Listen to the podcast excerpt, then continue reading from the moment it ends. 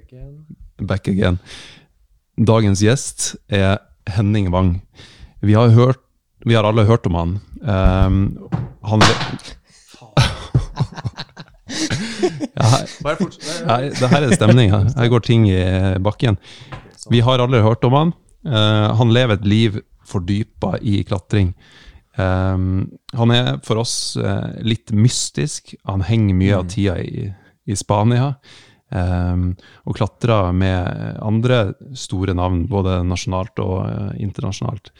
Eh, og noen har sagt at han er eh, Norges siste gjenlevende klatrebohem. Er det riktig, Henning Wang? Ja, det kommer jo litt an på definisjonen, da, men du har jo Hvis du tar det på den måten at jeg ikke har en, en fast A4-jobb, så er det jo kanskje det, da. Ikke sant? På en måte levd en ganske lang periode nå bare for å klatre, da. Bruke tida på å reise rundt og gjøre det, og så jobbe egentlig så lite som mulig, da, for å igjen da kunne dra og klatre. Og ha den friheten til å kunne dra når jeg vil, da. Det er jo liksom det det går i. I Ja, stedet ja, for å være på en måte låst og så slite med å finne fritid når det faktisk passer. da. Hvor, hvor, Mm. hvor glad er du egentlig i å klatre? Altså, jeg, det er, jeg blir Som sagt, jeg, jeg syns det er så fascinerende med de som på en måte har så mye klatring i hverdagen sin hele tida, da. Dag etter dag. Som meg som har det A4 som A4-livet, som gjerne ser litt til det der livet hvor liksom får holde på med klatring hver dag. Hvordan, det, hvor glad er du egentlig i å klatre? Det går jo veldig opp og ned. Man er, kan jo sikkert si at det er litt over gjennomsnittet glad i å klatre. Jo, jeg har aldri blitt lei, da. Og Det er jo etter en 20 år med klatring, så er det noe Når man fortsatt ikke er lei, så har man jo da har man jo på en måte kommet til et punkt hvor man innser at ja, ok, da er jeg kanskje litt, litt glad i å klatre. da. Ja. Men eh, det går jo helt klart opp og ned i den der motivasjonen for det. da. Noen ganger så er man jo supergira, og, og andre ganger så tenker man at ja, i dag kan jeg like greit eh, jogge eller dra på stranda eller bare chille hjemme og se på Netflix. liksom. Det er ikke så jævlig farlig. da. Ja. Så jeg var jo helt klart Akkurat den der giraheten var nok kanskje større når man var yngre. da. Det er ikke sånn at jeg ikke drar og klatrer når jeg har lyst nå òg, men, men før kunne jeg dra ut i alt mulig rart vær og 20 minus midt på vinteren. Jeg dro ut og klatra, liksom. Ja, ja. Nå drar jeg inn. Ja, du gjør det.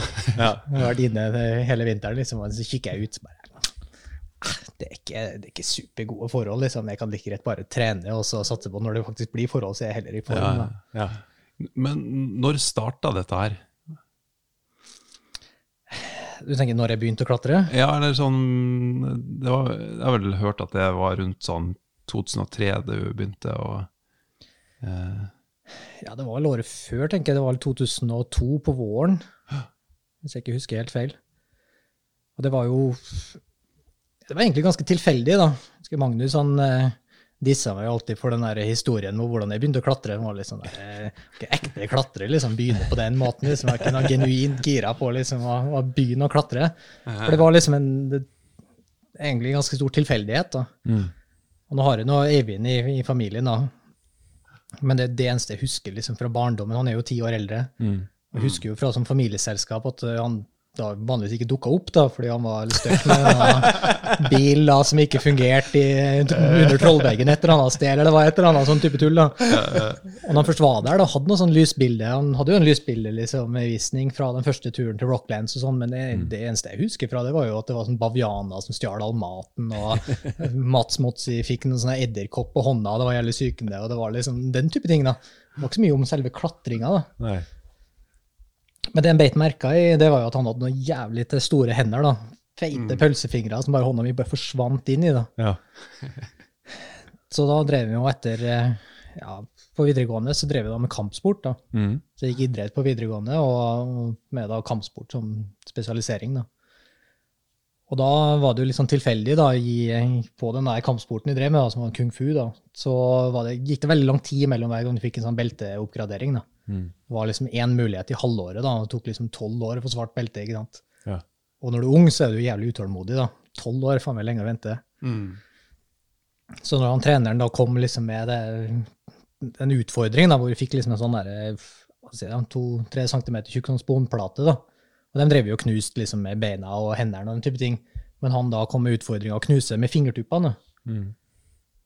Og hvis han klarte det, da, han skulle få på en måte en oppgradering som tilsvarte et år frem i tid da, med, med ny teknikk, da, i stedet for å repetere det samme gamle greiene. ikke sant? Så kunne du lære noe nytt da, som hoppa frem et år. da. Aha. Og det var jo jævlig fristende når du var 17. ikke sant? Så da begynte vi jo med en gang å kikke på hvordan, hvordan skal du bli sterk i fingrene til å knuse en plate. For det er jo, dette med å knuse en plate er jo liksom interessant, da, fordi det øyeblikket du slår mot en plate, Mm. og hvis du har nok kraft, så knuser plata, og det går helt fint. Mm. Men hvis du ikke har nok kraft, så kommer den krafta tilbake igjen i de fingrene, og da knekker du fingrene i stedet. Ja, ja. Så når du slår med knyttneven, eller hva det er, så går det stort sett fint, da, for det skal ganske mye til da, at du liksom knekker noe og du liksom ikke klarer å knuse. Men fingertuppene er noe annerledes. da. Mm. Så smeller du til alt du makter, og det ikke går, da, så er det fortere at det ikke går så bra. da. Mm. Så da var det liksom ok, vi må trene disse fingrene. da. Tenkte jeg var en, en kompis som het Anders, da, som jeg trent sammen med. Så da huska jeg jo på de gigantiske fingrene til Eivind. ikke sant? Og tenkte liksom bare ja, klatring, liksom. Du henger og dingler i fjellveggen etter fingrene. ikke sant? Da, det, det må jo liksom være løsninga. ikke sant? Det, Så da, da ringte jo Eivind, da. Og liksom bare Ja, hvor er det man klatrer liksom, i Trondheim? Jeg jo liksom gira på å begynne med klatring, da. Så da sa han liksom jo, drar han ut til Korsvika, da. Det er liksom, der er liksom byklatringa, da. Så da, det er det liksom buldring da, som er greia. da. Bli sterke, dere skal bli sterke i fingrene, ja, ut og buldre liksom Korsvika. Så visste ikke så mye mer enn det. ikke sant? Korsvika, ja, vi fant jo det. ikke sant? Kartet, og, og sykla jo ut dit fra Byåsen. da. Fant jo selvfølgelig ikke buldringa. ikke sant? Vi kom jo ned dit, og det er jo sånn der parkområde hvor folk sitter og fester og styrer. da, og Vi går liksom nedom, og du skal liksom gå til høyre på nedsida av klippeparti. Og vi gikk jo ned i fjæra til venstre og fant noe sånn råttent, glatt drittfjell. da, Og begynte liksom å buldre på det. da. Er fin syva der nede. Ja, og det gikk jo som det måtte gå. ikke sant? Han, eh, Nei da. jeg- vi kom opp noen sånne glatte greier. da. Jeg kom meg opp, og kompisen min falt ned, vrikka ankelen. ikke sant? Mm. Og Så gikk det en måneds tid, da. Og så tok vi kontakt med Eivind igjen. da, og så bare, ja, den der buldringa var litt sånn skummel. da. Masse kjipe steiner og dårlig landing. og Gikk ikke så bra sist. da, så da var liksom Tauklatring da, var greia med det. da. Så hadde vi vært på utebutikken og kjøpt noen sånne sko som farga og var jævlig sånn lilla greier. ikke sant, og den, den type ting da. Men Eivind likte jo ikke han fyren på utebutikken. Så da liksom hadde en annen, en annen kompis da, på en annen betydelig dyrere butikk. da, som var liksom, eh, Han tok oss med dit, da, og så fikk vi liksom kjøpt noe, noe utstyr til full pris. da, Ja. Som var liksom noe, noe tau og noe greier, noen rosa 50-meters-ting. da, Og noe seler og liksom helt sånn basic ting. Og så tok Eivind med oss og viste oss liksom Korsvika. Mm. Gikk forbi sofaveggen og bort den der andre liksom nybegynnerveggen. Ja, ja, ja. Og så kom han opp på toppen, ikke sant? så tro, dro tauet gjennom noen sånne bolter eller noen, noen karabinere eller hva som var der, og så ga oss en sånn 10 minutter, 15 minutters innføring i hvordan vi holdt den her taubremsen og bandt oss inn i tauet. Og så gikk han og buldra. Og så sto vi der alene. Han bare forlot dere, da? Ja, han skulle buldre. Ja, selvfølgelig. Ja, Så det var jo, han hadde jo liksom sine ting, da, så da så vi ut som vi hadde kontroll da, på det topptuinga. ikke sant? Så det, det er en liten vegg, da, det gikk liksom ikke krise. Mm. Men det var liksom den innføringa vi fikk i liksom klatring. da. Eivind sin innføring var jo betydelig dårligere. da. Han hadde jo, han kjøpte utstyret på postordre, som han snakka om, Ja, og var ute i marka og testa det med liksom sånn, der kroppssikring som i katalogene. ikke sant? Men, eh, Så vi hadde i hvert fall ordentlig utstyr da, og en slags innføring hvordan vi brukte det. Og så gjorde vi nå det, da. Og så begynte vi å liksom å buldre litt rundt på den veggen, og jeg brukte en hel sommer på noe sånn der eliminasjonstravers rett ned forbi der, med en sånn mono og et sånn sva. Ja, ja, ja. Det var jo liksom, det var det det gikk, for det var jo ikke noen innemuligheter på den tida. ikke sant? Så vi var nå der ute og surra. da. Skulle liksom trene disse fingrene, og da var det liksom knote rundt på disse eliminasjonsbuldrene og klatre litt på toppene. Kloakkveggen er jo effektiv på fingrene, sikkert. Ja, så vi prøvde oss nå på det som var, da. Ja. Og kjøpte noen sånne cordless pad, da, som var liksom det som var eh, hot på den tida. da. Men hadde dere fortsatt den ambisjonen om at dere skulle bli sterke i fingrene for å knuse den plata? Ja, ja. Det, det var helt klart eh, et mål, da. Og så ble en jo liksom mer og mer gira på å faktisk klatre òg. Syns jo det var veldig fett. da, og Det var jo sommer, og det var jo på en måte stengt, særlig på den treninga, og hatt sommerjobb og sykla rundt. ikke sant, og Var ute i marka og, og klatra på tikneppen i sånn steikhete og masse fluer og dritt. Men det var jo Ja. det var for så vidt likevel gøy da på den tida. Og så var vi nå ute i Korsvika, da. Og så kom vi også ut til hell etter hvert òg, da, med liksom haika med noen som hadde en bil, og fikk nå liksom sjekka ut hva det gikk i, da. Og da møtte vi jo en Bjørn Setnan sånn på tida, det var liksom samme tid han begynte å klatre, da. Ja, ja. Så vi var jo liksom på en måte en sånn liten gjeng med folk som på en måte begynte akkurat da, da, som fortsatt driver på, da. Det er jo liksom litt morsomt. ja. Så jeg klatra med Bjørn og så han Anders, da, og så ei som er Rita. da, De to har vel for så vidt gitt seg, da. Men eh, jeg og Bjørn holder da fortsatt gående 20 år senere. da. Ja, det er bra. Hvordan gikk det med den eh, plata? Nei, så kom det høsten, da, og vi skulle knuse den plata, og da, eh, da gikk det jo som det måtte gå når man begynner å bli gira på klatring. da. Man var jo livredd for å skade fingrene. Så det var helt uaktuelt å knuse den plata, man var jo gira på å klatre. ikke sant? Så, det, Ja, ja. så da slutta vi på den kung fu-en ikke sånn veldig lenge etterpå, da, og, for det var ganske mye styr med, med logistikken. da, Man kom seg på skolen, og så på den treninga som var på helt annet sted av byen. ikke sant? med Sykkel frem og tilbake i alle retninger. da. Og jo skole fra liksom åtte til halv fire hver eneste dag, da, og noe sånn helgeopplegg i tillegg. Og så var det den treninga som begynte klokka seks, og så var liksom alt var på feil side av byen. da. Ja. Så det liksom gikk jo ikke egentlig helt opp da, når en i tillegg hadde lyst til å klatre. Så det var jo en veldig frihet i det der å kunne på en måte ut og, og klatre på egen hånd og styre treningstidene sjøl, og ikke drive med noen sånn type lagidrett eller den type ting. da. Ja, Var det hell som på en måte, var det hell som gjaldt etter da? Nei, fordi vi hadde jo ikke kjøretøy, da. Nei. Var, så hellet var litt sånn tungvint å komme seg til. Ja. De var jo der ute noen ganger, men eh, det var ikke liksom det var ikke der vi var mest. da. Nei. Og så kom jo høsten og, og vinteren, da. Mm. Og da var det jo litt, eh, litt utfordrende med å, å finne oss til å klatre inne. da. ja. For akkurat det der første året, eller første vinteren vi måtte klatre, da, det var da de på en måte stengte Dragvoll for ikke-studenter. da. Ja. Så frem til det så hadde det vært mulig å klatre der for folk som på en måte ikke var studenter ved, Mm. ja, ved universitetet. da, men, eh, men da fant de ut at det begynte å bli litt for mye folk, for det er jo trangt lite rom. ikke sant? Mm. Så begynte de å stenge det, og det var jo en, en evighet å kjøre fra Byåsen til Dragvoll. Det var liksom 40 minutter når man kjører bil. ikke sant? Og bare komme seg opp dit, og enda verre, du skulle sykle. da. Ja. Så det var jo ganske høy risikoaktivitet å dra dit for å prøve å snike deg inn. Det gjorde vi jo en del, da. Vi, det var det liksom, vi sto og kikka i den glassdøra på utsida ikke sant? når Ja, vakta gikk For da på sto vi til resepsjonen der. til resepsjonen, ikke sant? så venta på at han fyren gikk på do, og så var det å løpe inn. ikke sant? Og så når vi først kom inn, da, så var det liksom ikke så mange som styra. Det var ikke noe bratt kort. eller noe. Det var en klatrevakt som surra rundt og var liksom høy på seg sjøl, som gikk rundt der nede. liksom. Men det var, han la jo egentlig ikke noe merke til at vi var dårlige på å sikre, eller noe sånt. Vi bare var jo vanlige sånne nisser som drev og surra i veggen. ikke sant? Og det, det gikk helt fint, da, så det ble vi aldri tatt på. Ja. Selv om sikkerhetsteknikken sikkert ikke var spesielt god, da. Men vi, vi lærte jo, vi hadde aldri lært å tre gjennom sånt, men det trengte vi jo ikke inn, ikke sant? Vi, vi klippa opp disse slyngene og sånt, men det, men det, vi hadde jo en epic hver gang vi skulle snu, da, for det var på hell òg, når vi var der ute. ikke sant? Så var det jo sånne grisehaller, du bare tredde inn inni. da. Mm. Så det, der, det øyeblikket vi skulle prøve å finne ut av hvordan vi skulle få tauet gjennom uten å liksom binde oss ut Vi hadde noen runder i den der sofaveggen i Korsvika hvor vi klatra opp og så bare vikla oss inn i det var sånn kjettinganker. ikke sant? Ja. Så vi surra hele kroppen oppi den der kjettingen. da. Hang oppi der bandt oss helt ut av tauet, tauet i munnen, ikke sant? gjennom den der kjettinggreia. Og så binde seg inn igjen, og så bare hang liksom etter armene da, oppi den kjettingen. da. Det gikk jo bra da, den gangen. Ja, det Jeg skulle vel anbefalt å gjøre det nå, men det er liksom Nei, det nei. Men det er jo en god måte å lære på når du er under skikkelig press og har, er livredd for fall. da. Ja, eller iallfall du har det, det er vel bedre å få fasit først, kanskje. Mm. Ja. Ja, Nå går jo folk på kurs i, i flere dager for å lære disse forskjellige metodene og teknikkene. Det var jo, jeg tror det var først når jeg tok instruktørkurs, jeg jobber jo som klatreinstruktør òg, ja. så først når jeg tok liksom et høyere instruktørkurs, hadde jeg lært å, å tre gjennom ordentlig. da. Frem til det punktet da hadde jeg bare gjort alle mulige rare, tullete metoder. da.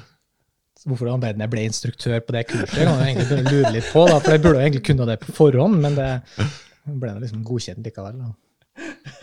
Sorry at jeg ler, men det er litt morsomt.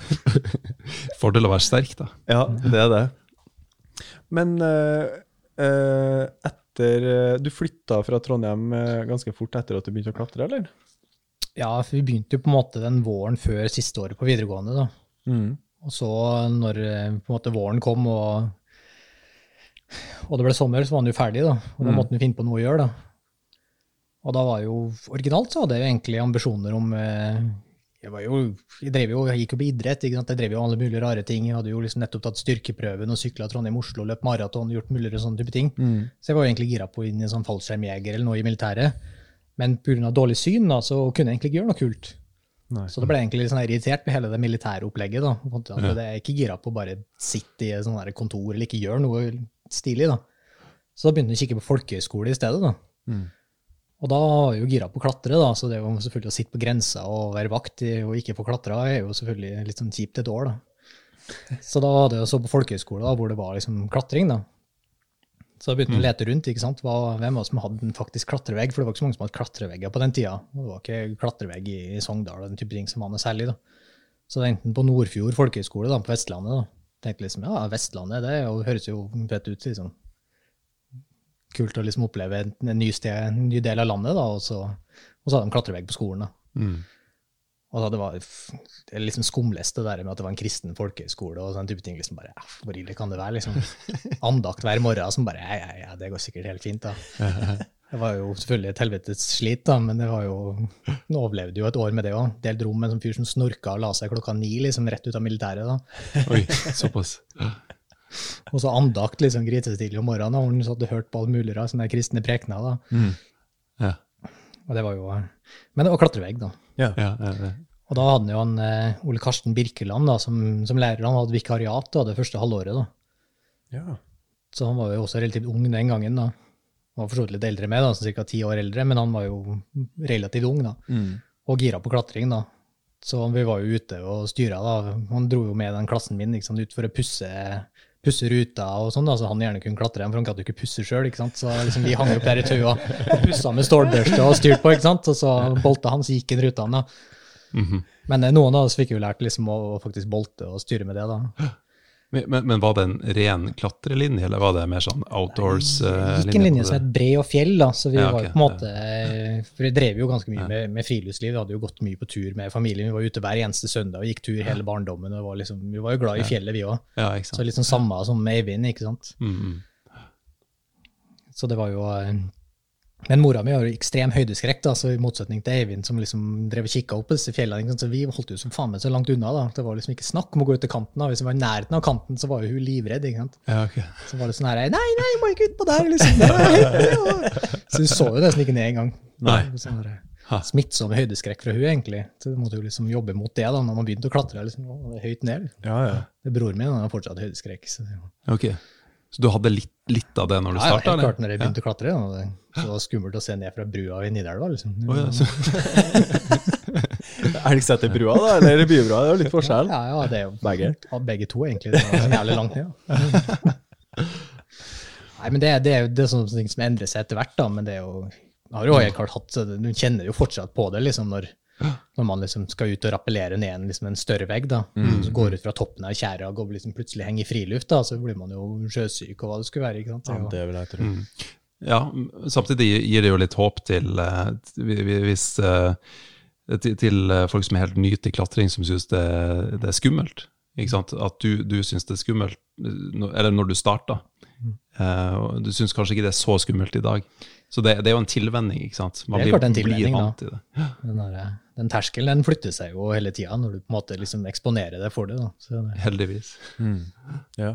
Men det er jo det, da, ikke sant? du må jo eksponere deg for det òg, hvis ikke vil du jo aldri flytte noe på den terskelen. Mora mi er jo like livredd den gangen som eller eller nå som hun var den gangen. da. Ja, ja, men det er akkurat samme med mor mi. Du tåler ikke å se på folk som går liksom på, mot en kant hvor det er litt høyt. Og det er nesten verre enn at du skal stå der sjøl. Mhm. Men eh, altså, høy, høydeskrekk er reelt. Som andre ja, ja. typer fobier, da, tenker jeg. Og sjøl kjenner på den høydeskrekken når hvis du bare har buldra ganske lenge, selv om du har gjort litt highballs og sånne ting, også, så skal liksom opp og gå plutselig på ei rute med tau, så kan det være litt ubehagelig hvis det har gått lang nok tid, altså.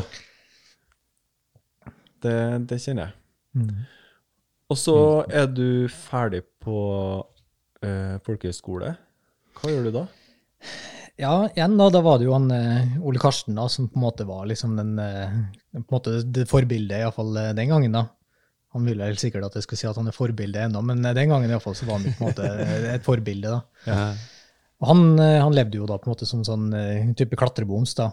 Han reiste rundt og vært på ski og styrt i Alpene og var liksom der. da. Og, Ja. og liksom på en måte liksom fortalt den, den historien om det livet, da, og på en måte liksom prøvd å selge inn litt det. da. Og hadde jo da studert, og han, sånn som alle andre lærerne da, på, på skolen, hadde jo studert da, i Bø i Telemark. da. Det var liksom der man dro for å studere liksom, friluftsliv. da. Og da hadde jeg liksom ikke noen sånn veldig plan videre, men jeg tenkte liksom, ja, ja, militæret driver og fortsatt å mase, jeg er fortsatt ikke gira på å sitte på grensa, da, så da, da må jeg kanskje begynne å studere, da. For du har jo på en måte en sånn der, i fall den gangen så var det ikke noe mulighet til å på en måte si fra seg militæret sånn uten videre. Mm, mm. Så da måtte du gjøre noe, da. Så studiet var liksom godkjent grunn til å ikke dra i militæret, så da meldte han seg opp i studiet. da. Mm. Og da hadde jeg funnet på hva han skulle. da. Jeg hadde jo ikke noen sånn veldig plan for det. da, Så da tenkte jeg jeg kan ganske mye om friluftsliv, jeg har nettopp gått et år med det. ikke sant? Jeg, jeg kan en del om idrett, så da melder jeg meg opp i en sånn type natur- og friluftslivstudie. da. Mm. Og så så jeg egentlig ikke så mye på det. da. Jeg bare meldte meg opp i en bachelor, da. og så i Bø i Telemark. da. Og da endte jeg jo med første året var jo natur og miljø, ikke sant? sånn tungt biologistudie. Hadde ingenting med friluftsliv å gjøre. Friluftsliv begynte ikke før andre året. Mm. Så satt jeg jo et helt år da, og studerte natur og miljø. ikke sant? Det var biologi, da, geologi og hydrologi og klima og mulig og sånne greier. da, Ren teori da på skolen, og litt sånn feltarbeid hvor vi sto og kartla sånn lav og mosa på trær og sånn. ikke sant? Egentlig ikke det jeg var spesielt interessert i, da, men det, var liksom, det, det, det, ble nå det, da. Ja, ja. Ja, ja. Nyttig kunnskap, det. Ja, ja, det er fint, fint, fint å kunne det, altså. Men det, Ja, ja. Fint på quiz, i hvert fall. ja, ja, ja, ja. Ja. Og få være ute, da. Regner jeg med. ja. Ja.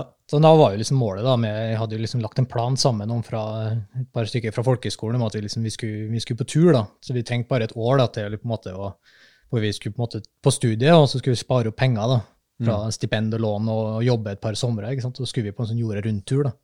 Mm. Så det var det som var det egentlige målet. da, Vi liksom bare måtte, måtte gjøre noe i mellomtida. da, Prøve å liksom vente. da. ja. Og da var liksom Bø et like greit sted som noe annet. ikke sant? Hvis du ikke noe særlig om det, annet at alle lærerne har gått der. Så tenkte jeg at det, var, det skulle være klatring der, det skulle være helt greit. liksom. Det var der den originale filmen, den 'Buldring', Morten Gulliksen, så er de jo der ikke sant? og driver og, og klatrer den der kyka og sånn. ikke sant? Ja, ja, ja, ja, ja. Det, ja. Riktig. Den har vi sett begge to et par ganger. Ja, et par ganger, ja. ja. En liten sånn legendarisk snutt. Ja, ja, ja. Ja, ja, absolutt. Det Ja. Også legendariske snutter. Det er den der friksjonstesten. da, og Det er jo også et sånt fantastisk konsept. hvor Du må opp i en sånn stiger stige da, hvor det faktisk er en konsekvens hvis du faller av. Og så vinkler den planken mer og mer da, for å se om du glir av mer med kalk eller uten.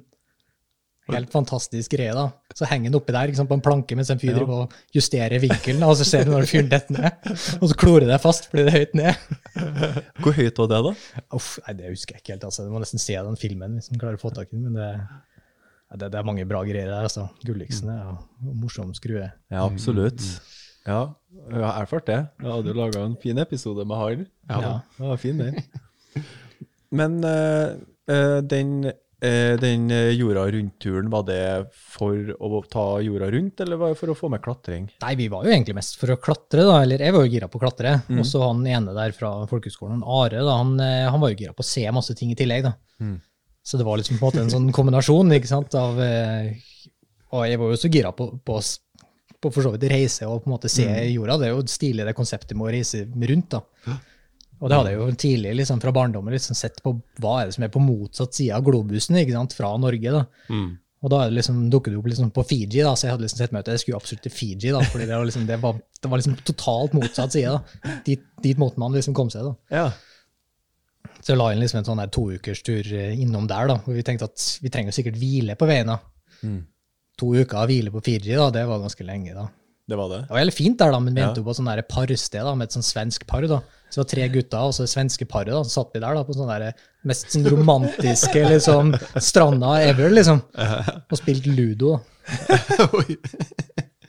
Og så drev og snorkla litt, og sånn da, men det var jo ingenting å gjøre der. ikke sant? Nei. Og det var det var, midt det var ikke noen buldrestein på stranda, liksom? Absolutt ingenting. da. Okay. Så vi svømte liksom til diverse andre øyer da, og holdt på å drukne i prosessen, da, men det var, liksom, det var liksom det vi gjorde. da. Fikk sånn korallinfeksjon gjorde vi nå. da. Okay. Vi tråkka jo på korall, liksom. det er jo giftig, da. det var jo ikke ja. klar over. ikke sant? Så endte jo på en sånn der fot som ble blå nesten opp til hofta. da. Så endte på sykehuset i USA med det greiene der. da. Å nei. Det hadde forsikringen, da, heldigvis. Ja, Så ok. det, det ble jo dekt. Og det gikk jo over med liksom, noen sprøyter og sånn. da. Ja. Gikk jo sånn stivkrampe og alt mulig rart, så visste jo ikke hva engelske ordet var. ikke sant?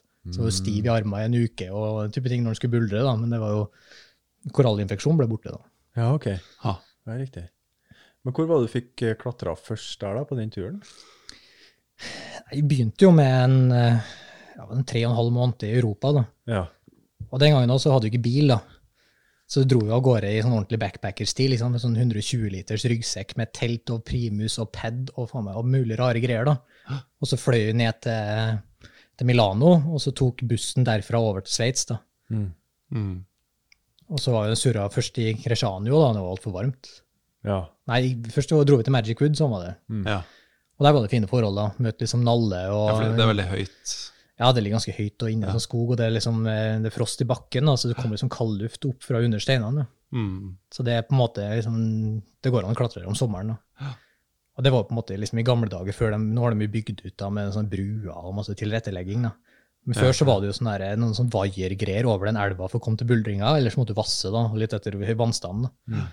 Så der vaiergreiene var jo liksom spennende. da. Vi hadde liksom bare sett noen bilder av det, Altså, vi tok jo liksom sånne vanlige karabinere ikke sant, og sele og dro oss over. Ødela jo karabinerne helt. For det funker jo ikke med liksom vanlige Stålvaier.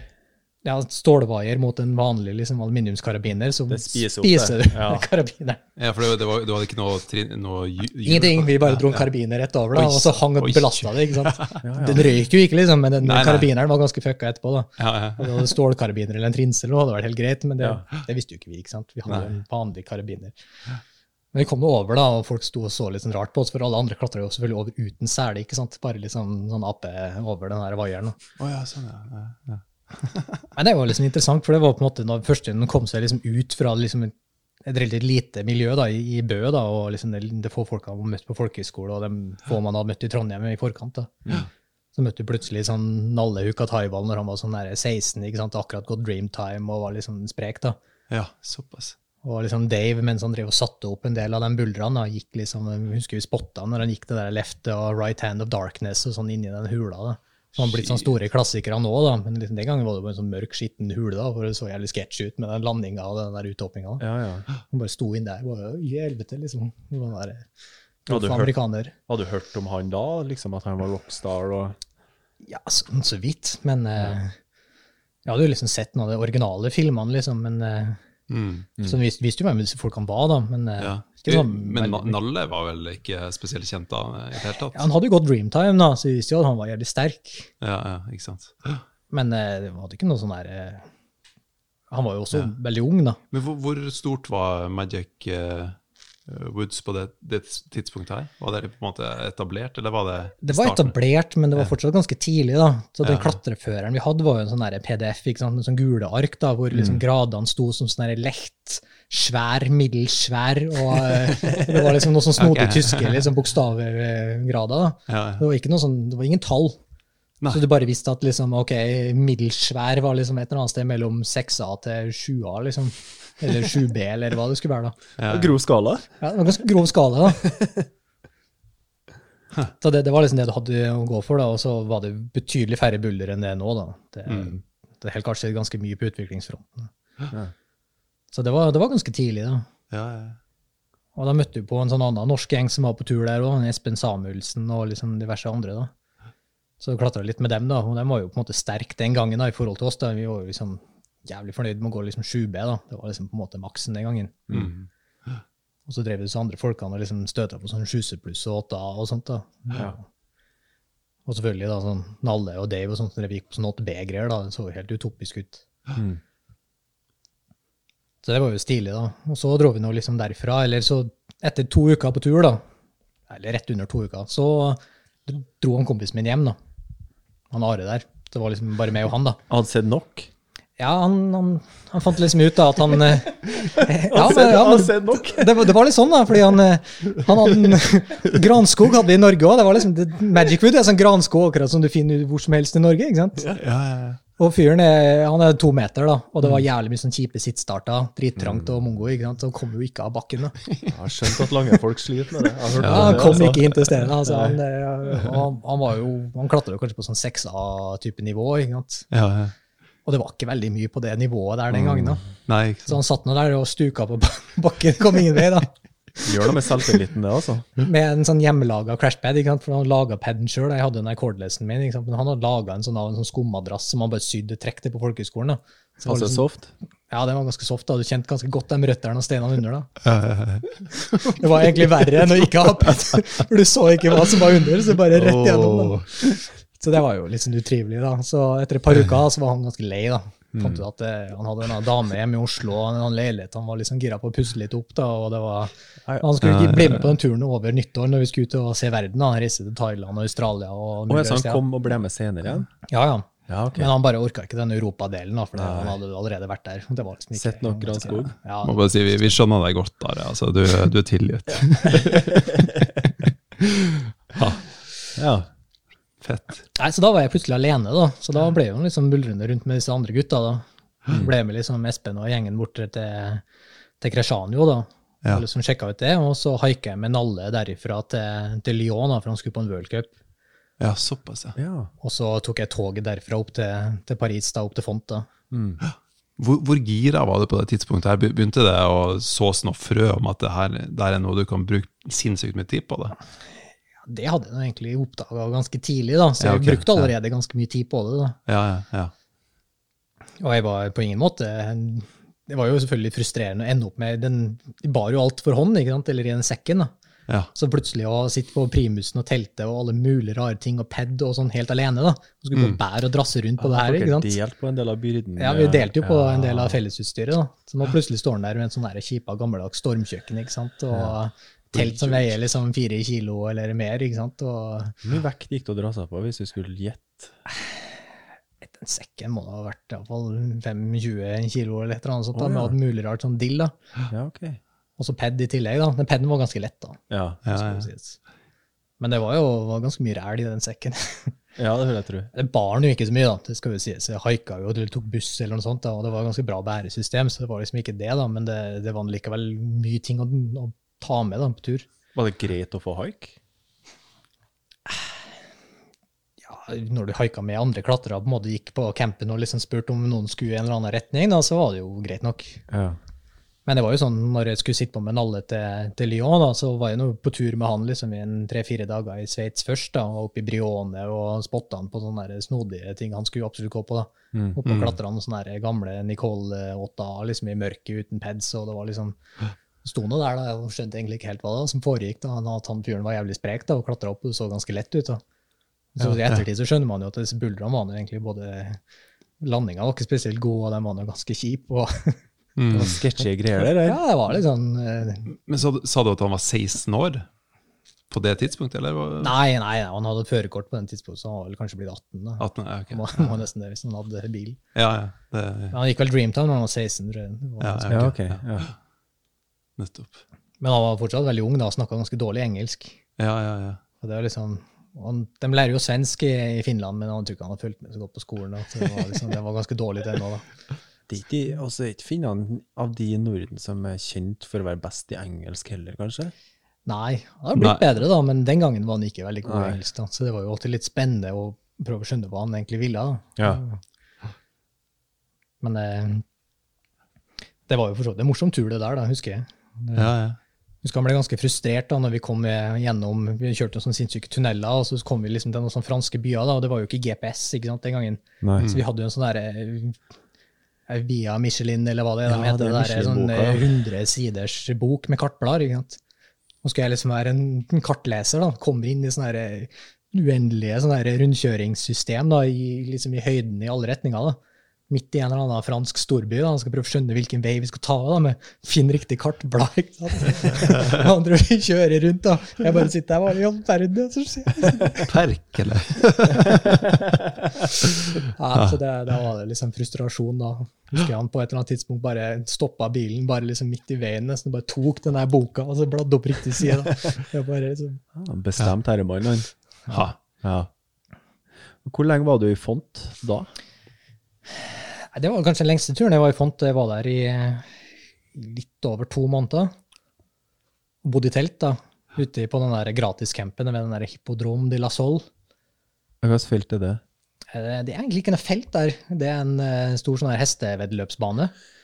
Å ja, hippodromet, ja.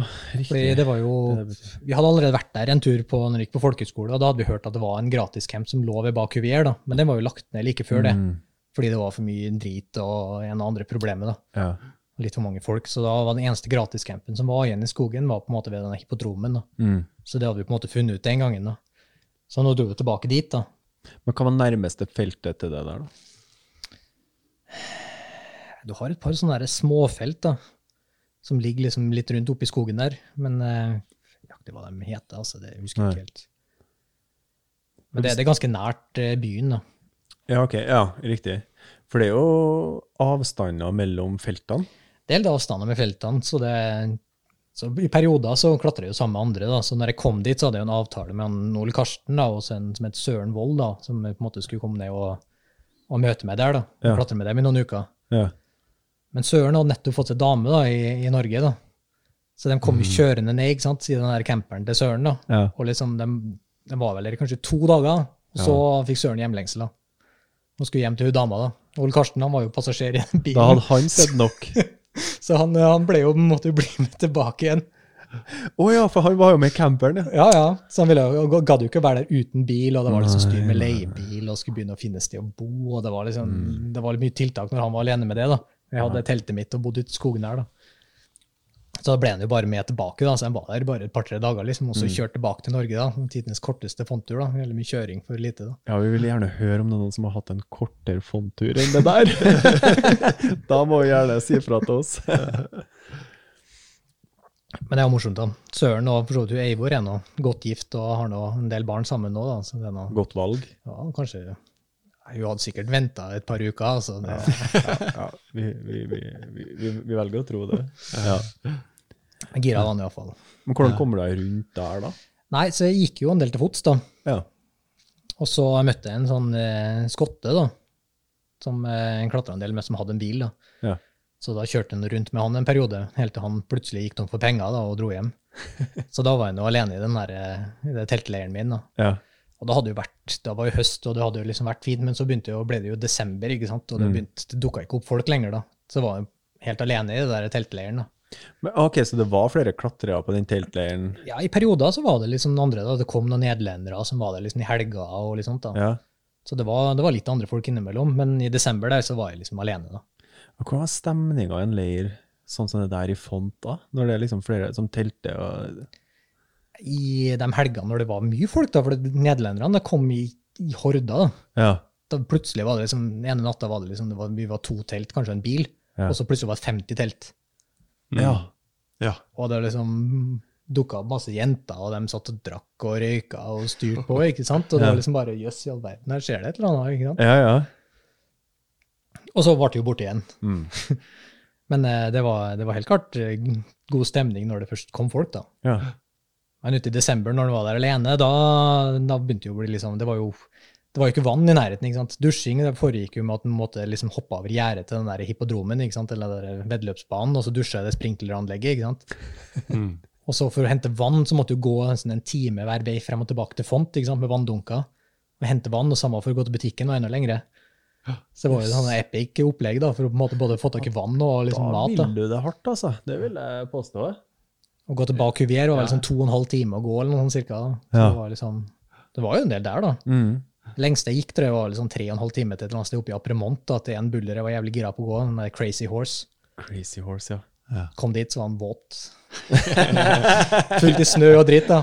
Oi. Og så gikk tilbake, og så hadde jeg glemt å bytte batteri på hodelykta, og så Mm. var det bekmørkt i skogen, da, masse villsvin, ikke sant. Så, det ja den lyden der.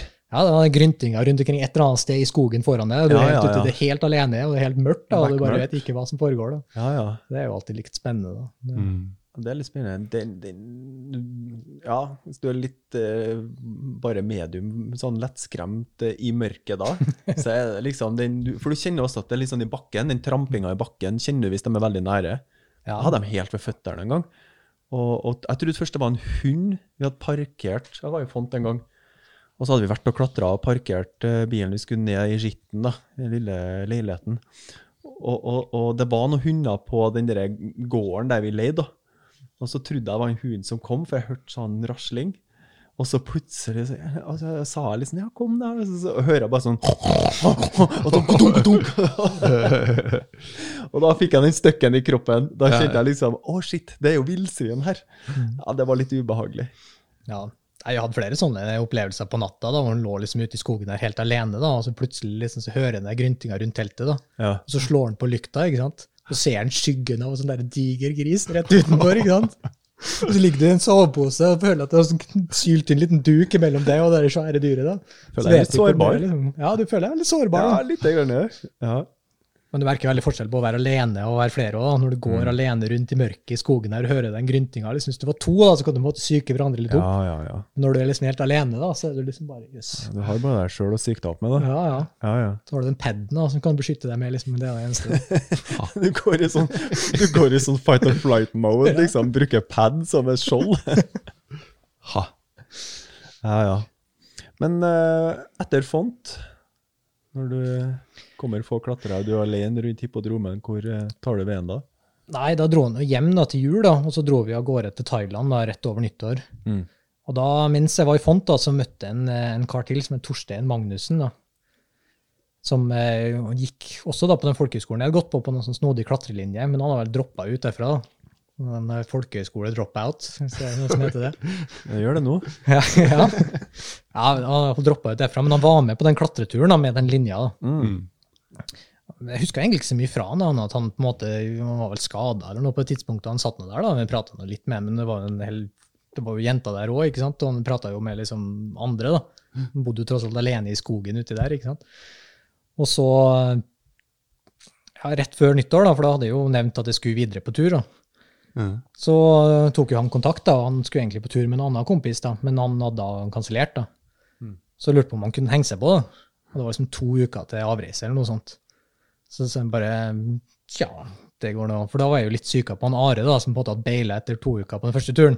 tenkte jeg liksom, Skal jeg liksom bare committe til at eh, jeg og Are drar på tur liksom et halvår jorda rundt, og så finner Are på at han bare plutselig skal et eller annet? Så var det liksom en, en sånn trygghet i å ha han med en Torstein. Ja. Selv om jeg egentlig ikke kjente mannen, men jeg bare tenkte det- må være bedre enn bare Are.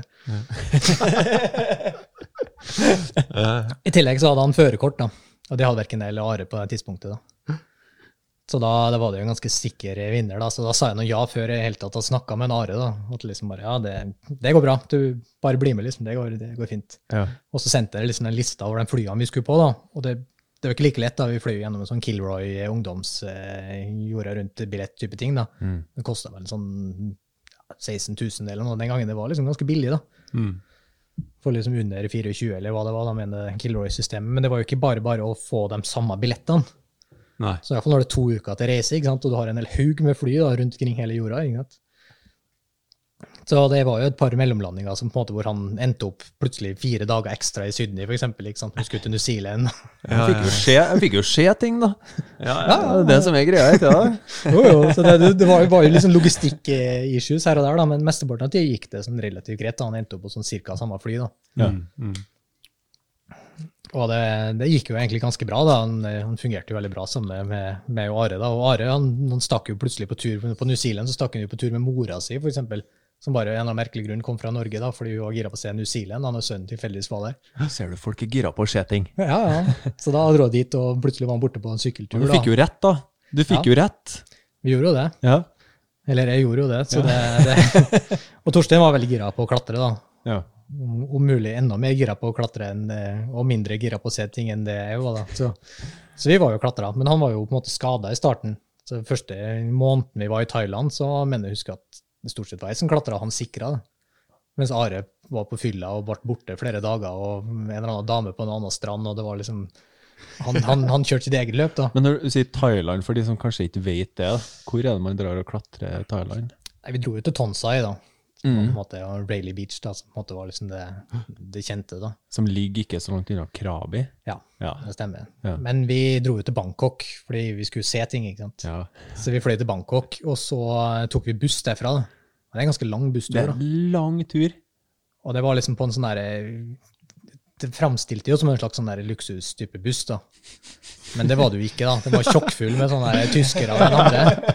Luksusbuss, det var Ja, nytt. nytt eh, Så vi, vi satt, satt ganske trangt da, med dårlig aircondition. da, og så var Det liksom, det var jo den tida det var liksom kassett- og CD-spillere og den type ting. sant? Så det, og han der eh, sjåføren han hadde én plate, da.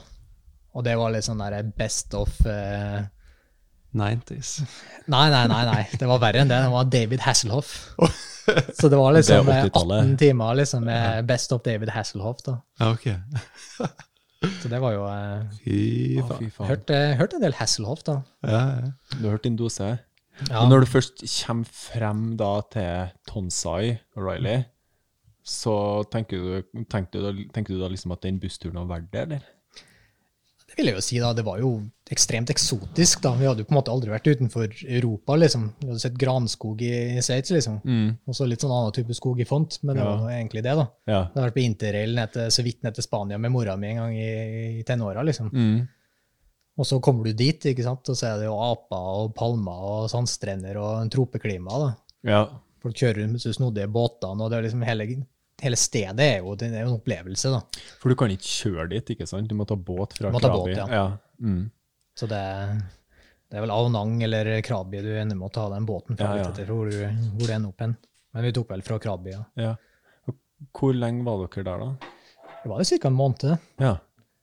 Og det, det tror jeg egentlig du trenger, da, for det var en litt sånn tilpassing. Husker jeg I starten så, så beila vi og hang en slynge som så ble stjålet fra en sånn seksa, og sånn, fordi det var så polert og jævlig varmt og klamt. da. ja. Veldig polert. Og det er kalksten der, Mm. som blir Det blir jo ganske lett eh, polert med svette og varme og, Ja. og stor, og stor, stor eh, trafikk. Ja, og det, det har det jo helt klart vært. da. Så på det tidspunktet, det var jo på en måte et år eller to etter tsunamien, tror jeg. Ja. Så det var jo Og de strendene de skal jo ha vært finere, tror jeg, før, da. For det, Ja. nå var det ganske mye stein og dritt, så det var liksom ikke like fine, lange sandstrender som det kanskje hadde vært en gang, da. Nei. Oi.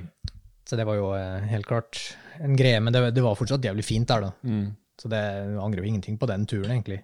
Men det tok kanskje et par uker da, før på en måte tilpasse seg den, den, den varmen og den luftfuktigheten. da. Mm. Og skjønte hvordan helt at man skulle klatre på den, den type fjell og, og sånt. da. Jeg hadde ikke klatra så mye på kalkstein. og Vi hadde klatra en del tau, hadde klatra liksom litt tau og buldra liksom om hverandre. da. Mm. Selv om vi i hovedsak hadde fokusert på buldring. Mm. Det var liksom på en måte det en starta med. Men det, de gikk liksom litt sånn hånd i hånd, da, for de gjorde litt sånn begge deler. Men da hadde jo bare buldra ikke sant, i, i Font og i, i Sveits. da. Og så kommer dit og skal plutselig bytte om til å klatre tau da, i sånn tropehete. Mm. Det er jo liksom en, en omstilling da, på den mest polerte kalksteinen du finner i verden. Hvilken type klatring er det egentlig på Tonsai? Det er jo kalkstein da, på litt sånn polerte, snodige skåler og jøgs og, og liksom tufa. da. Ja. Så det var jo eh, Men du har jo det er sånn relativt variert. da. Du har noen ganske lange ruter med en snodige standplasser langt oppi veggen. og så har du disse boltene som popper liksom halvveis ut av fjellet her og der. og Det det er litt sånn spennende. da. Nå har vi bytta om til Mesteparten er jo rebolter med titan og sånn etter hvert. Mm. Det var jo ikke det den gangen. Og det, det, det er jo nesten ingenting som overlever det klimaet som er der nede.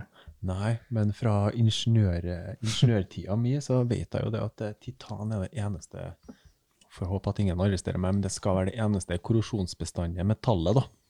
Så det er derfor titan er, er best, da. Tilbake til episoden. men eh, hva syns du om klatringa der, da? Nei, jeg synes jo, det, det var jo polert og slitt, men eh, det, og det var den gangen. Og det er jo liksom 15 år siden nå, da. Eller kanskje litt mer.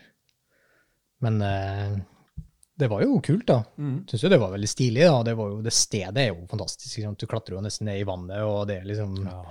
Det er jo idyllisk. Jeg skjønner jo liksom hvorfor Nesbø og gjengen driver og drar tilbake hvert år. Liksom. Det er jo, og det var jo mer enn bare klatring. Sant? Det er jo billig mat, og, og det er god mat. Mm. Og det er liksom en helt annen kultur og, og den type ting òg, da. Så du får liksom en, en full pakke, da, på et vis. da. Ja, hvordan bodde dere der, da? Jeg bodde jo der i bungalow da, Ja. på, på Tonsai. Da Da var det ikke bygd ut noe med noe, noe hotell eller resorts eller den type ting der. da.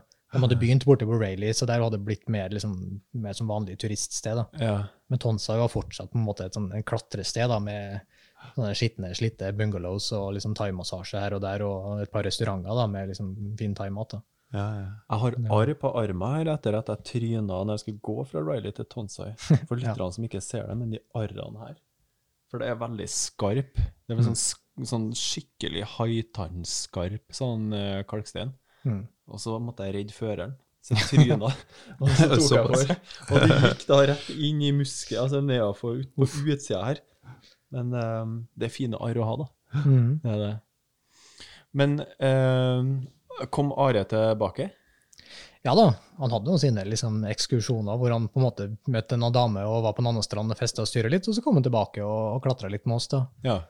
Og så dro han jo liksom rundt for å se ting, og så ble jo vi med og, og så litt ting og, og gjorde den type ting. da. Men det, han var jo helt klart med, da, for det var jo ikke så mange steder å dra, Nei. sånn egentlig. Men, eh, Men man- Du får jo en slags sånn fin isolasjon der. Ja, det gjør du. Du lever helt klart i en sånn boble der, da, hvor du på en måte ikke har noe særlig kontakt med omverdenen.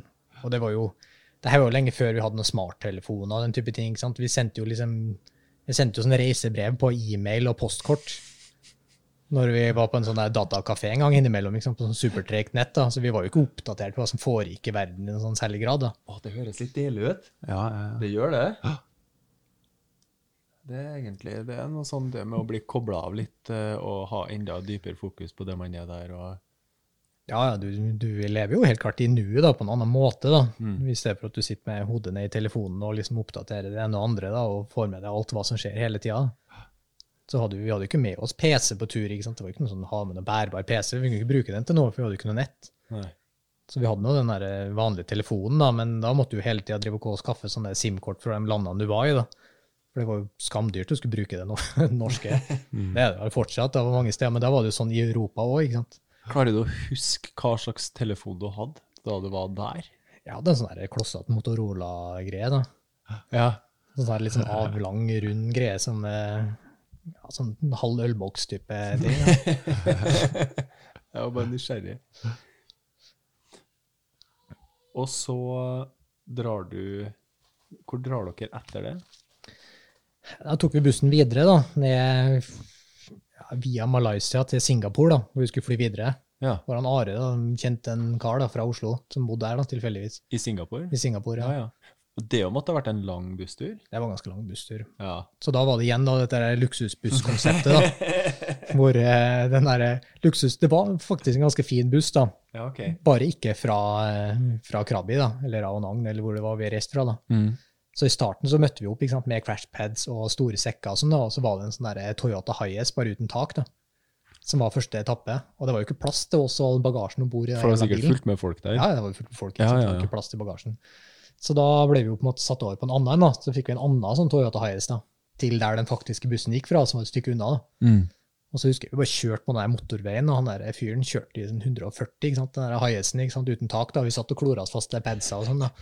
Og det bare var bikkja som bare vandra ut i veien. Han bremsa ikke, gjorde ingenting. Han bare made dem jo ned. da. Det bare smalt jo. og tenkte liksom hele, både dyret Nei, gikk jo faen. gikk dårlig med dyret, men jeg tenkte det måtte jo gå dårlig med bilen òg. Ja, Ja, vi kjørte den av gårde da. Vi bare satt der helt forferda bak. ikke sant? Hva i verden er det som skjer?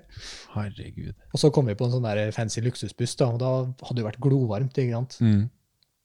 Så da tok vi jo pakka alt inn i bussen. Mm. Skulle sitte inne der i ti timer, og der var airconditionen på sånn der Og ti grader, sikkert. 10 grader. Ja. Ja. Og vi satt der i T-skjorte ikke sant? og på fryse i hjel. Og fikk ikke stoppa bussen. Nei, det stoppa jo ikke. Det gikk jo langdistanse direkte uten å stoppe ja, ja. til Kuala Lumpur eller noe sånt. Så det var liksom Og først der dere fikk eh, Ja, så da var det å ta på seg klær da, før neste etappe til Singapore. da. og Hvor lenge var dere der? Det er ikke noe klatring, Er det klatring i Singapore? Nei. Nei. De har jo arrangert liksom konkurranser, da. det har de gjort, men det er jo Ja. på en måte på innendørsanlegg. Ja. Og det er jo på ingen måte et egnet sted å konkurranse. Det- Jeg husker jeg hadde sånn junior-VM der, det var 38 grader. En vanvittig luftfuktighet. Ja, ja. Sinnssykt klamt og varmt. da. Det ligger Ja. jo rett ned i havet, liksom. og Skikkelig tropeland, liksom. Er, noen, er det noen som deltar i konkurranse Hvis du har en worldcup eller et VM i tauklatring der, som kan ha en fordel av at det er luftfuktighet? Det vil jeg jo si. Du, vil, du blir god til det du det, Du som er vant til, miljøet, ja. Så det er jo, Du ser jo Ondra når han trener til OL nå, for det er jo en faktor for Tokyo-OL. ikke sant? Mm. Det er jo, skal jo være på sommeren, og det er jo liksom, og det ligger jo ned i havet, og det er jo skikkelig dropa. ikke sant? Ja, ja. Så det er jo fort oppe i 40 grader da, og 80% luftfuktighet og sånne helt sinnssyke, elendige klatreforhold Men skal veggen, skal veggen i OL skal den være utendørs? utendørs. ja. Ja.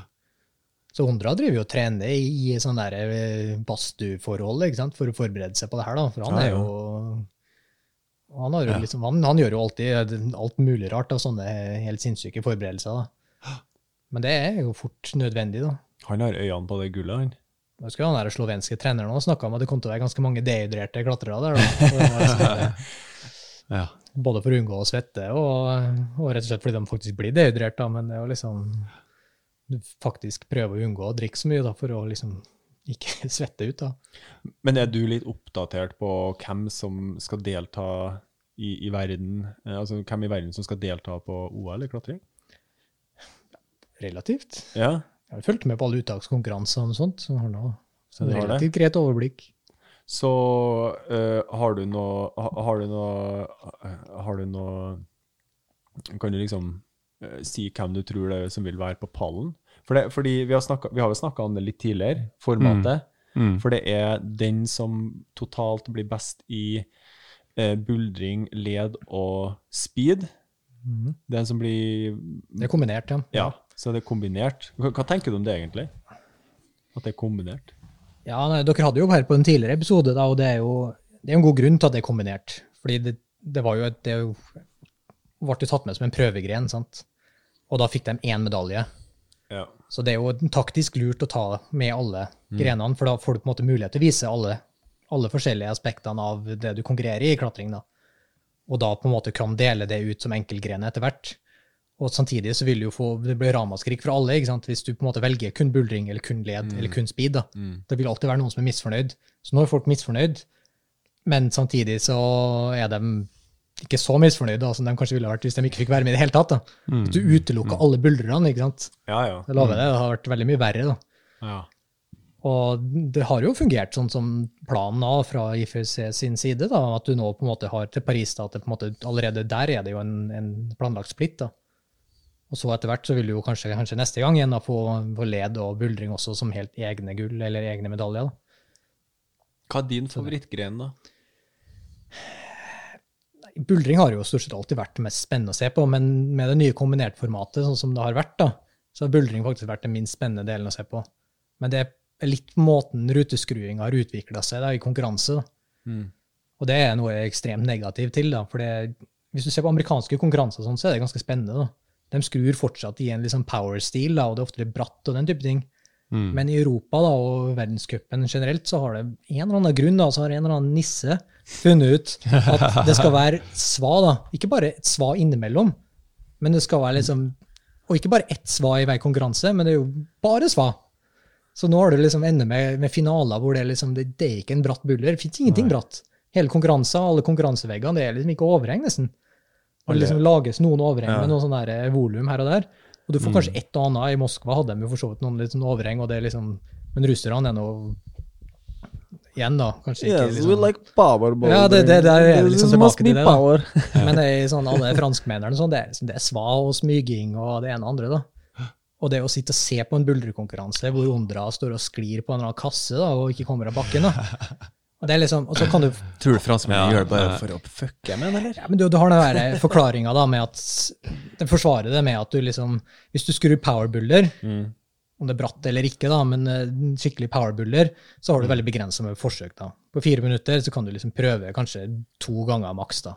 Mm. Mm. Kanskje tre da, hvis du detter i starten, men det er liksom, du har veldig få forsøk, da. Ja. Og så er du enten tom for krefter eller tid, eller hva det er. Så mesteparten av tida så står du på matta da, og hviler og venter. Mens på sånne knotebuller på et eller annet sva, da, hvor du går og bakser på seg boksene, så kan du prøve en million ganger, fordi Ja, ja. Du blir ikke sliten i fingrene. Nei, det gjør ikke det. Ikke sant? Det er koordinasjon, og det Ja. ene andre, og så skiller du folk, da, fordi det blir en hel haug med forsøk. Ikke sant? Å hei, vi er jo alle like på sva. Så blir det akkurat sånn som i, i 'Mesternes mester' i går, ikke sant? hvor du så liksom på Magnus. da. Du har en masse sånne der interessante øvelser hvor du konkurrerer liksom på fysiske ferdigheter, og så slenger du inn en sånn jævla kasteball på slutten. da. Og Der har du det s- smøret bort på det svanen. da. Så får du 20 forsøk der, og så har du flasha alt annet, og så kommer du på sjetteplass. ikke sant? Eh, Vi, vi tar den ene divergeringa etter den andre, men hvor skuffa var vi ikke? Ja, Vi heia jo på Magnus. ja, det er klart det. Hæ? Magnus gjorde jo en veldig god figur helt Ja, til han skulle kaste. da. Ja, det er ikke noe kasting i klatring, ikke sant? så jeg kan jo skjønne at han ikke er spesielt god på det. Kanskje vi må ha det i OL, da, så at du må ha eh, Kasting buldring, etter svar. Ja, du har liksom speed, og så har du liksom en sånn der random og standplass med litt kasting, og så får du lov å løpe til buldra, ikke sant? Og så får du minustid hvis du har brukt masse tid på kastinga. Ja, ja. Så Ja, ett ja. minutter per bulder, Og liksom, fordi du- du kasta for lenge. da. Og Hvis du har fem blinker, og du knocker dem alle ned, så får du bonus. Ja. Da får du bonus. ja, det er kanskje ti minutter på en buller. da. Hei, super. Å, det har vært gøy! Her, da har vi et nytt konsept. Hvis du starter med kastinga, så kan du adde minutter. Så du, si du, la, oss si, la, la oss si at du har, du har, 20, du har 20 baller, så du har 20 forsøk på å få ned fem blinker. Mm. Det vil si at hvis du tar alle fem med en gang, så da har du da potensielt sett så kan du ha 15 minutter Men hvis du bommer, liksom, hvis du ikke får ned dem, så sitter du igjen med bare den vanlige tida på bulderen. Så det, du kan i beste fall Men det er jo fortsatt sva, da, så det er jo ikke noe forskjell. Nei, det, Unnskyld, men, men, men du snakka litt om eh, Sorry, jeg ble bare gira, for jeg syns det er gøy med Jeg, jeg syns det høres ut som en dårlig idé. Jeg tenker bare få, få på mer overheng. Litt, litt ekte buldring i buldrekonkurranser. Ja. Eh, du har lyst til å se folk ta, ikke sant? Du Ja, har lyst til å se hvem som er Ja, ja. sterk, da. Ja, helt enig. Jeg har liksom Helt enig. lyst til å Hvis, hvis Ondra vinner eller taper, så vil jeg at det skal være liksom fordi han, han, han prøvde hardt, og så var Tomoa for eksempel sterkere. da. Ja. Mm, mm. Ikke han hadde bedre sko den dagen, eller sklei ikke av den kassa på en eller annen sånn tilfeldighet. da. Mm.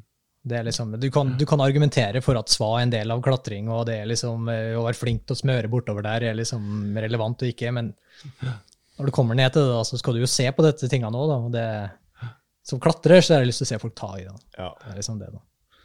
Mm. Men hvem spår du eh, på pallen?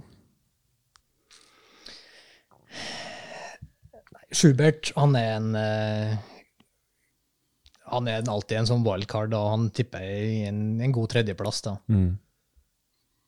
Det er ikke, eller Schubert han, han bør være på ballen, da. Ja. Og så bør også Ondra og Tomoa være der. da. Mm. Megos han er wildcard, han kan gjøre det ene og det andre, men eh, Men, men har, har han Jeg har bare sett han har sagt opp masse sponsorer og greier. og hva, hva er det han driver på med akkurat nå? Han gjør vel sikkert det han alltid gjør. da. Han henger på den der ene lille på en måte 60-graderen og klatrer på trelistene sine. da.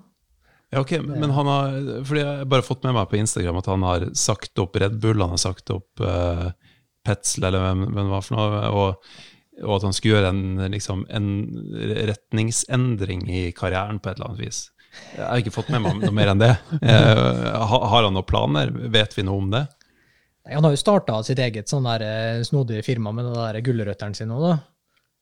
Ja, ok. Ja. Carrots for power. Så det er jo eh, Om det er bare T-skjorta han lager for øyeblikket, eller om de har begynt med å lage noen andre type ting òg, da. Men Gul T-skjorte med gulrøtter på, kanskje? det, Jeg er med, ass. det, det er helt klart en, en endring til litt mer eh, Carrots kanskje miljøbevisst tankegang, da. Det er jo mye kritikk mot Red Bull og sånne type ting. For, Ja, ok. det Ja. Men, det, det er ikke noe sånn sånn retningsendring innenfor klatring? Nei, det, Nei. det tror jeg ikke det, altså. Jeg tror det er Nei. bare mer i forhold til hvilken eh, retning han som person går, da. I, Etiske Ja, ja. valg? ja, Ja, mer skjønner. skjønner, skjønner. Nei, for Jeg bare begynte å lure på om ok, skal, skal han klatre med stor vegg, eller er det Altså Det ser jeg ikke for meg. altså. Nei, ikke sant? Megos han er god på én ting, og det er liksom å klatre på disse små listene i den der eh, bratte 45-60 grader vinkelen. Da.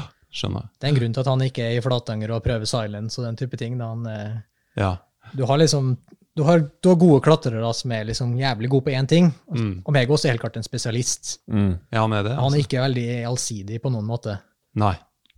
Mens Ondra, han, han har liksom gjort en innsats i å bli god på alt. da. Ja. Så det er liksom det nivået mellom dem to han er ekstremt da når det kommer til teknikk. Du kan si at Megos han er sikkert sterkere når det kommer til å bare henge dødt på en list med masse vekter i andre hånda. Mm.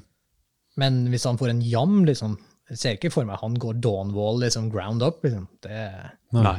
Nei. Det er good point. Ondra er, virker jo å være altetende på et vis. Altså, han- Ja. Ja, men Ondra han har en sånn appetitt da, for på en måte å, å lære seg Hvis det er noe innenfor klatring han ikke kan eller ikke behersker, da, så skal han beherske det. da. mm. Og det tenker jeg er en kvalitet da, som på en måte setter han på et annet nivå enn alle andre. da. Mm. Hvis du tar vekk alle disse andre fysiske egenskapene, bare det at han liksom fokuserer på å lære seg alt som er å lære seg. da. Og det er ganske mye, da. Mm. Man snakker jo det når man liksom har disse benchmark-testene. og sånn. Hvis du har perfekt teknikk, Mm. Hva vil det si? liksom, Hvem som har perfekt teknikk? Det er liksom... Så det, det er ingen som har perfekt teknikk. Det, liksom, du, kan ikke, du kan ikke klare å mestre alt som er av tekniske ting i klatring. liksom, Selv på en, livsstil liksom, så er det alltid en eller annen Du kan alltid bli bedre på bare sånn enkelting som knelås i heelhook, hva det skulle være. Ja. Mm. Så liksom, Du kan ta så mange benchmark-tester du vil, da, men hvis du finner riktig rute eller er god nok på en eller annen sær teknikk, så vil du at du kunne snike deg under på et betydelig lavere nivå. Ikke å liksom henge i frontliver i 20-30 sekunder. liksom. Mm. Det, Apropos knælås. Eh, der har jeg fått høre at det er noe du eh, Altså apropos mestre teknikker, da. Det er en teknikk du mestrer. Jeg er sånn relativt god på det, iallfall. Mestre. Man kan alltid bli bedre, da. Ja, Det ja. var Noe med det. ja. Men ja, nå har jo kanskje oppnådd et slags eh, mestringsnivå da, som er over eh, tok de fleste andre. Ja, ja. Det tok bare tolv år å få sort belte i knelås. Ja, og det har jo også sånn på en måte naturlig eh, en sammenheng da, med at jeg kom jo på en måte fra buldring, og jeg begynte jo å klatre relativt sent, ikke sant? så jeg har ikke det grunnlaget av utholdenhet da, som på en måte dem som kanskje starter har det med barn, ikke sant? trener masse, masse pump og, og den type ting. da. Så da kom jeg jo inn i klatring når jeg, jeg begynte jo på en måte å klatre sport sånn i hovedsak i 2011. da. Frem til det så hadde jeg liksom klatra litt sport og buldra litt. Og så hadde vi en sånn lang buldretur i, i 2010 hvor vi på en måte reiste med Johan Torstein igjen, da, og, og Hanna Midtbø og Therese, og vi var liksom en gjeng, da. Og på den turen da, så falt jeg ned og delte hælen i to da, på en sånn highball i Sveits. da. Endte på sykehuset i tre dager og Delt operert og styrt. da. Ja, det, det var et, eh, legene var ganske imponert av hvordan jeg fått det til. da, for det var liksom litt sånn som hvis du la deg på magen, da, og så tok du en øks, og så bare hogger du oppå hælen på baksida. Oi. Så liksom ikke under eller noe, men liksom rett bak. da. Det er ganske godt gjort å få til. da. Så det var liksom var en sånn snodig tilfeldighet. Det var en relativt høy stein. da. En sånn Dave Graham-buller som heter 'Confession of a Crap Artist' da, i Chironico. Og vi hadde liksom Ja, vi hadde liksom ti pads, da. Det var liksom ikke sånn, ikke sånn der eh, nalle og, og kutti gikk det jo med to pads. Og vi hadde liksom ti. Ja. Og jeg og Hanna drev og styrte på den bulleren. da. Og da hadde jeg liksom etter å falt, Jeg hadde falt ned fra toppen før, da, mens jeg drev liksom og bare jobba på den øvre delen. For den har en den blir liksom gått litt forvirrende, for Dave starta han liksom inni et sånn hjørne med en slags travers, og så går han rett opp. da. Men det er på en måte naturlig kanskje å starte stående bare rett opp, ikke sant? Ikke starte borti med en sånn snodig ekstra link. da. ja. Men det er jo der bulleren starter for den originale bulleren. da. Men når du liksom bare jobber den øvre delen, så starter du selvfølgelig der det naturlig starter stående. da. ja, ja. Så da hadde jeg jo liksom jobba i den nedre delen, og huden begynte å bli litt dårlig, og så hadde jeg liksom jobba liksom på toppen, og falt av på toppen der tidligere. da. Og da er det såpass høyt da, at når du faller av helt på toppen, og du har én pad, så får du så stor kompresjon da, at du liksom slår knærne gjerne liksom i haka og andre steder i ansiktet. da. Så det er jævlig ubehagelig. da. Så da hadde jeg flytta den ene paden fra et sted vi aldri landa. Vi hadde liksom hatt sånn fem-seks dager på bulleren allerede. Så jeg hadde flytta den fra en sånn stein ut, langt ut på sida, og flytta den så det var liksom to pads der du landa når du falt fra toppen. da. Og så kom liksom Therese og sånn forbi da, og kikka, de var egentlig på en annen bulder. Så sto liksom hun på den steinen da, og kikka, og så var det liksom den steinen, og så var det et hull. Fordi det var liksom masse sånn tømmerstokker ikke sant, nedi sånne der hull da, som var bygd opp. Og så padsa lå oppå det. ikke sant? Mm. Så da har du det der padsa, og så har du det hullet, og så har du den steinen Therese står på. da. Og så skal jeg bare opp på den der toppen en gang til, og holde i noe sånt sidetak. Og så popper liksom begge hendene, sklir rett og slett av, da, fordi det er svett, og huden er liksom tynn. da. Hvor høyt er du da? Ikke så ille høyt, kanskje fire meter eller noe. Ja. Tre-fire meter oppe. Mm. Men det står liksom en rar, rar vinkel og trykker veldig et sidetak. da. Ja. Mm. Så når begge hendene popper av, da, så skyter jeg meg sjøl ut forbi alle pedsa. ja, ja. Og så den ene foten lander nedi det hullet da, mellom de der tregreinene. Mens den andre foten treffer liksom den steinen da, som Therese står på, da, som er ganske skarp, da, men rett sidelengs. ja. Og da på en måte bare treffer den rett på sida av hælbeinet og bare deler beinet i to. da. Så blir foten bare plutselig veldig stor. da. Ja, det vil jeg tro. Men det var ikke noe vondt, det er ikke noe nerver eller noe der, da, men du ser jo liksom at bare å i helvete, liksom, nå er på en måte turen fucka. da. Det er liksom Det en og en halv måned igjen på tur, ikke sant? og så har ikke noen andre plan, og så bare står du der, bare helvete, nå er turen fucka. Hva nå? Ja, ja, liksom. ja. ja. Og Det må ha vært liksom, veldig til adrenalin òg, da, når det skjer.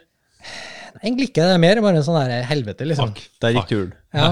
Jeg har jo brukket ting før. ikke sant? Har brukket håndledd, du bruker armer, brukket det ene og andre. Ja. Og da, Du merker det jo på stedet, ikke sant? Det er ikke åpne brudd, og du liksom ser at armen er fucka. ikke sant? Så Ja. ikke bare, faen. Mm. Ja. Det er liksom ikke så mye mer å gjøre med det. da. Nei. Så blir det liksom kanskje vondt etter hvert, men det er liksom i øyeblikket så er det liksom det er ikke noe adrenalin, det er ikke noe følelser, det er annet enn at liksom bare faen, liksom. Det var månedsvis med klatring, liksom. Hadde du reiseforsikring da også? Ja da. Ja, det. Så da, så jo, Vi ringte jo inn, men Mm. de skjønte jo ikke helt hva vi sa. da. Så De, de trodde liksom det var klatrefall og greier som kom med helikopter og alt mulig rart. Oi. Og hjertestarter og får ikke måte på greier. da. Nei, okay. så fant de ut at det, liksom, det var ikke så farlig, da, så fløy de av gårde. da. Men du får da ikke bli med på helikopteret, du da? Nei, det, det, ble, det ble dårlig med helikoptertur, så da ble det jo den der ambulansen da, til sykehuset. Og siden det ikke hasta, da, så ble vi liggende her i tre dager og vente på operasjon. da. Det var jo sånn epic opplegg i seg sjøl, fordi legene snakka jo helt perfekt engelsk, akkurat som de var briter. ikke sant? Det var utrolig fascinerende. De snakka alle mulige rare språk. Sveitserne har ting på stell, vet du. Men sykepleierne de gjorde ikke det. De snakka alle andre språk enn engelsk. For Sveitserne de snakker jo ikke sant? De snakker italiensk, de snakker tysk, de snakker fransk. Og så har de ett språk til. Jeg husker ikke hva Ah, Samme ja. det. Ja, det er mulig, det, altså. Det er en annen podkast. Sveitsiske språk, en podkast. Ja. Nei, nei sånn sykepleieren de, eh, de snakka jo ikke engelsk, da, så det var jo vanskelig å forklare hva som foregikk der inne. Så det var liksom, altså Han lå jo der, og det, det var jo ikke sånn direkte vondt, men, men jeg fikk jo på en måte sånn intravenøs sånn morfin likevel. da. Å, deilig. Ja, ikke sant? Da det jeg tenkte jeg, sa ikke. Så den kobla jo det ikke sant, rett inn i beinet. da. Ja, fikk du styret som pumper Ja, sjøl? så da fikk du den der knappen, da. Mm, du fikk knappen. Og du kunne liksom sitte og trykke på den en gang i minuttet ikke sant, for å få mer dose. da. Ja. I det uendelige. da. Men det tar jo litt tid for deg å kicke inn. ikke sant? Det tar litt tid. Så sitter han og trykker, da. skjer ingenting. Så han trykker litt mer, da. Og bare trykker og trykker. Og så Og så Ja, og så smalt det jo ganske bra, da. Og du er liksom mer litt sånn fjern, da. Og så øh, våkner du om morgenen, da. Og er litt sånn der morfinbakrus, ikke sant. Og du har sånne der ledninger, vaiere og koblinger overalt. Og så kommer han sykepleieren som ikke snakker et ord engelsk, og skal begynne liksom å rydde og ordne med ting, da. Og skal dille med disse tingene rundt deg, ikke sant. Jeg prøver å forklare at liksom jeg blir jævlig kvalm da, når noen begynner å fekte med fingrene rett foran meg. Ja, ja, ja. Den der morfinbakrusen. Og han bare Nei, han skjønner ikke. ikke sant? Og så prøver jeg å signalisere at ok, nå må jeg spy, liksom. Så jeg trenger en bøtte. ikke sant? Og så får jeg sånn papptallerken. Er ikke det dype? Nei, det er sånn liten, Bare flatt? Liten sånn flat papptallerken. Oh, God dag, mann. Det er da bitte litt djup, men det er, Ja, liksom, ja, ja. Det, det, det er liten, altså. En vanlig jævla tallerken. Og sitter du der ikke sant, forankra i disse jævla ledningene og kommer deg ingen vei. ikke sant? Og så bare må spy alt du har klart å få i deg som ikke er sånn Det var bare mye. som en deflektor der, tipper jeg. Ja, ja, han sitter der og spyr i den der jævla papptallerkenen, ikke sant. Føler jeg helt sånn, det er jo håpløst, da. Så har du et brukket bein, og du er i Sveits, liksom, og så sitter du og spyr i papptallerkener, og så liksom bare hater livet, da. Mens de andre nå klatrer. Ja, de andre er ute og klatrer, da. Ja. Ja. Nei, altså, jeg husker jeg kom nå ut da, etter jeg har fått den operasjonen, da, så liksom ut på krykka og styre, da, og da fikk jeg noe bli, da. Da fikk jeg jo sånn igjen da, sånn morfinklump da, som gikk med sånn belte, sånn en liten rumpetaske, ikke sant, som bare hadde den på sida med intravenøst rett i foten, da, som gikk og hinka rundt med. da. Ja så den bare liksom var pumpa inni der da, for å styre med den der. Ja, ja, ja. Vi kjente jo aldri noe særlig smerte, da, men det kan jo ha en sammenheng. da. Men det, Men dro du hjem etter det, eller? nei, nei, for vi hadde jo ikke noe sted å dra. ikke sant? Vi hadde jo kjøpt en sånn kassebil, kassebil, jeg og han Torstein. da. Så vi var jo på en måte tur i den, da, men jeg hadde jo ikke noe sted å dra tilbake til. Nei, nei. Jeg kunne du, jo beile hjem til mora mi, liksom. Ah, ja. Det var jo ikke sånn veldig aktuelt. da. du ble med for turen, du nå? Ja, så det var jo fortsatt på tur, da. Ja. Og så var jeg jo sammen med Hanna på det tidspunktet, så da var vi på en måte Ja, Det var liksom bedre å være der da, enn å være noe annet sted. ja. ja. Så da var jeg jo der og på en måte, jeg drev jo også og filma, da, så da filma jo liksom de andre han drev og støta og liksom heia på Hanna på den bulleren. Hun ga ikke opp, da. Det var jo ganske sterkt mentalt, tenker jeg. da, fordi ja det er bra. Når du liksom ser på en måte noen dette ned og brekke beinet på bulleren, liksom, så er det ikke nødvendigvis det første du har lyst til å gå tilbake på den samme jævla bulleren. Men det Var hun på, den, var hun på samme Ja, hun var på samme bulleren. F- Fikk hun sendt den? Ja, hun gikk inn til slutt. da. Ja. er er det 7C pluss? Ja, også. 8? Ja. Mm. Ja, den har vel satt i kanskje 7C pluss fra den der vanlige ståstarten på sida, da, men det, Ja, ja. da går det en egen sånn 7B pluss eller Ja, okay. Inn i det. da, på en måte. Fra Men hun gikk siden. originalen? Ja, hun gikk den originalen. Ja, hun gjorde det, altså. Så det er ordentlig 8A. da. Kult. Og det har vel gått én 8A før, da, så vi gikk i den der Ret with the pocket da, litt før det der, da, og så på en måte gikk den. da. Så vi hadde vel ti-tolv dager eller på den bulleren, hun da. Mm. det, og det, var, Og den er ganske vertikal med sylsmå tak. Og, det er ikke så små tak, egentlig. Det er mye sånne der store, slappe greier. og Det er ganske Sånn mye rart, men det er mye sånne der pinsjer og slopere. da. Ja, ok. Ja, ja, ja. Nei, men, bare husk at den er ganske Den er ikke så bratt. Den er ikke særlig bratt. Nei, nei. Ja. Og først har du en veldig sånn snodig travers, da. Så jeg husker vi var jo sponsa med sånn mammut den gangen. Da den gangen de laga sko, da. Og de skoene funka ikke, da. Nei. Så du hadde jo en evighet med litt sånn der, en sånn sko med sånn der jævla hakk bak, ikke sant? Mammutsko, du, du hører jo på navnet. Ja, bare Ok. sånn, ja, ja, det funker bra, da. Og så eh, og da, da tror jeg hun liksom beit til slutt det sure eplet og gikk og kjøpte seg et par med Dragons, da, The 510. Da. Ja. Og da gikk hun bulla med en gang. da. Ja, Det var liksom den ene hæl- hælkroken som ikke funka, da, og så bare Ticketmaster Dragons gikk det, da. Ja, ja. Men det, det kunne du ikke si på den tida, for hun sponsa med Mammut, som hadde sko. ikke sant? Men så etter hvert slutta de å lage sko, da, så fikk jeg lov å klatre med, med 510. og Fighter and Dragons, de lays der. Det var litt bedre enn den Mammut. Midt, da. Mammut så ut som en sånn snodig Madrock-greie, med de rare hakkene bak. da. Det var, ja, ja. var ikke det beste konseptet. Det var ikke altså. det de som hadde de flammeskoene igjen. Tror jeg om det. Ja, Madrock. Jo, det var, det var første skoen jeg kjøpte. det det. Av uh. The circle is complete. Ja. Han, han av dem, garanterte at det her er den beste skoen du noensinne kommer til å prøve. Selger han der, altså. Han satt der så selvsikker i en sånn singlet og sånn, tynne klatrearmer. Jeg bare ja, Jeg går for det. Det var da du var 1,95 og 100 kilo på Ja, det er power, det. det, vet du. Ja. Sånn å si. Aldri stol på en klatrer med tynne armer.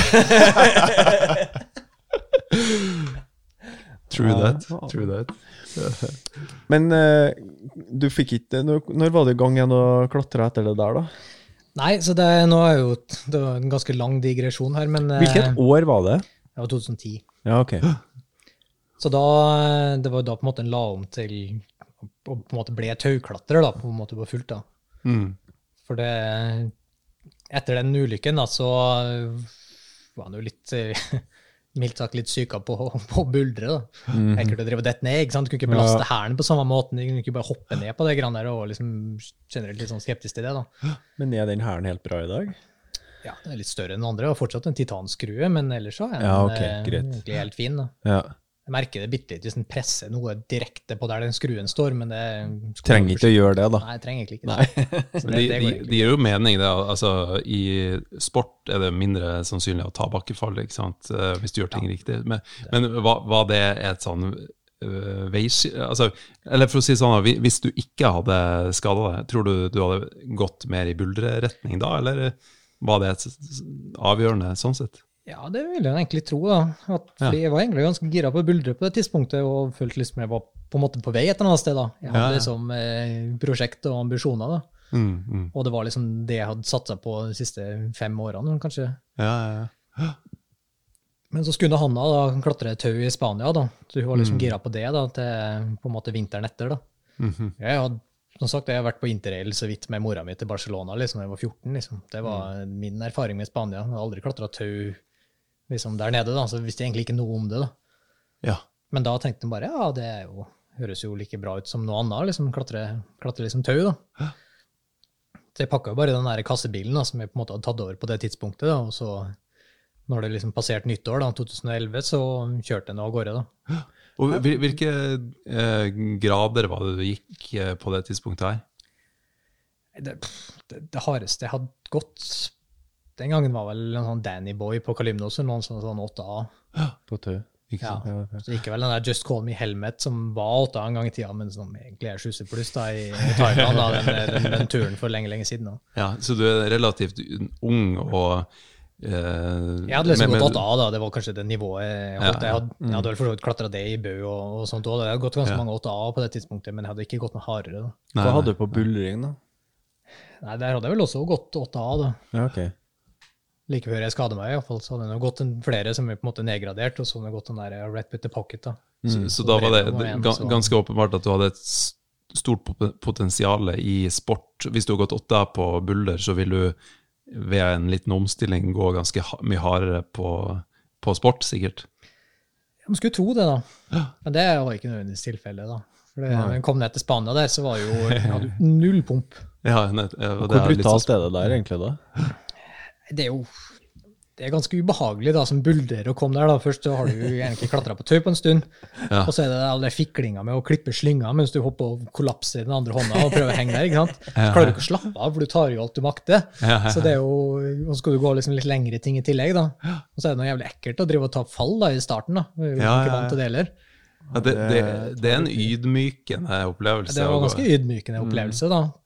Så jeg husker laga jo en sånn der videoblogg fra liksom den tida. da. Den ligger vel ute ennå, tenker jeg. Men det, Ja, hvor, hvor da ligger den? jeg hadde jo en sånn der eh, Vangsverden etter blogspot.com eller et eller annet, den type ting. da. Fins den ennå? Den nettsida fins ennå. Ja, jeg må inn og Så den bloggen den er vel oppdatert til sånn 2013 eller et eller annet sånt, og så bare slutter den plutselig. Ja, Hvor, hvor mange år arkiv er det i den, da? Nei, Det er vel tre-fire år, kanskje. Ok. Med noen videoer og en del bilder og historier. da. Kult. Så det er jo en del fra denne Sveits-turen. da, Begynte vel egentlig der. Og så- Og du har ikke fallet på video der? Eh, nei, det er ikke på video. Nei. Trengs Kanskje ikke. like greit. Like greit, like greit, ja. Hva var første kregget du dro på til Spania? Nei, så da var jo Hanna og sånn hadde jo vært der før. Mm. Og, eh, men jeg hadde jo sett The Dosage-filmene, ikke sant? så da var det jo liksom Sharma bodde jo i Geida. Så da var det jo liksom naturlige utgangspunktet. Da var liksom var der eh, episenteret for hard sportsklatring var. ikke sant? Det var det de sa på film. da. Mm. Det var liksom, det var 100 kreg på innen en times avstand. da. Så da liksom kikka han ja, ok, Geida liksom, i Catalonia, da, det, det må være stedet å dra. da. Så via noen sånne der studentnettsider, ikke at det var student eller noe, men bare via noen studentnettsider, så fant jeg noen sånne hybel eh, eller noen Ja, leiligheter. du da. snek deg inn der òg, du. Ja, jeg snek inn der, da.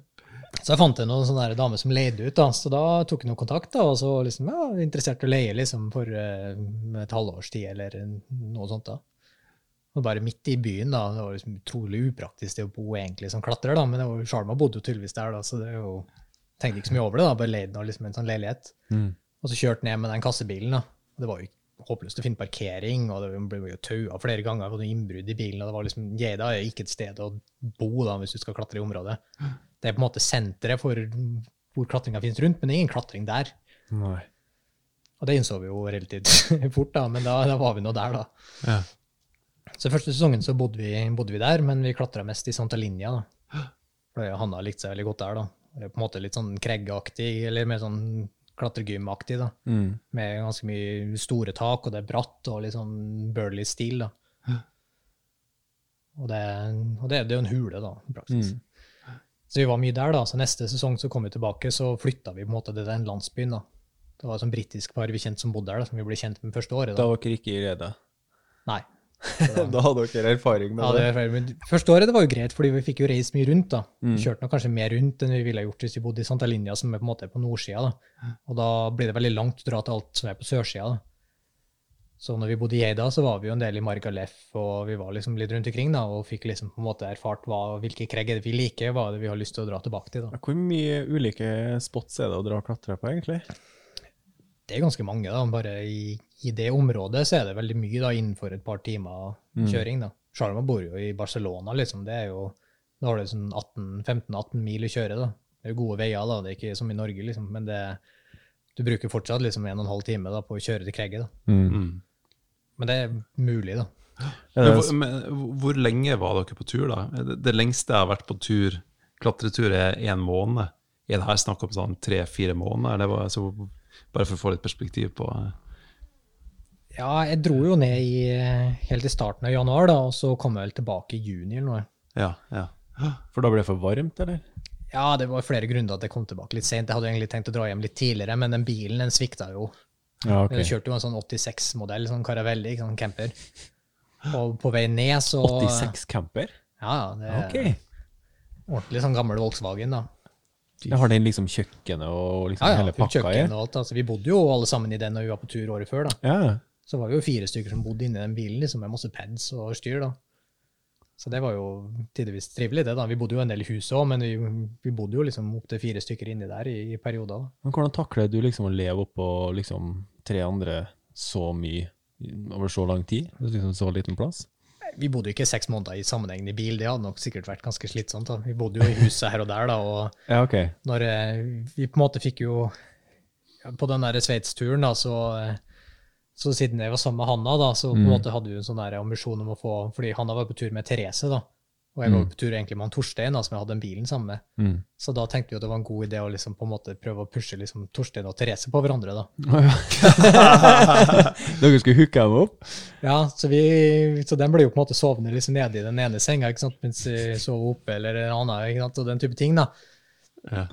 Og etter nok tid, da, så den ble jo sammen. da. Ja. Vi har vært sammen ganske lenge. Ja. Men eh, ja, hva skal man si da, at eh, når de først ble sammen, da, så beila de jo.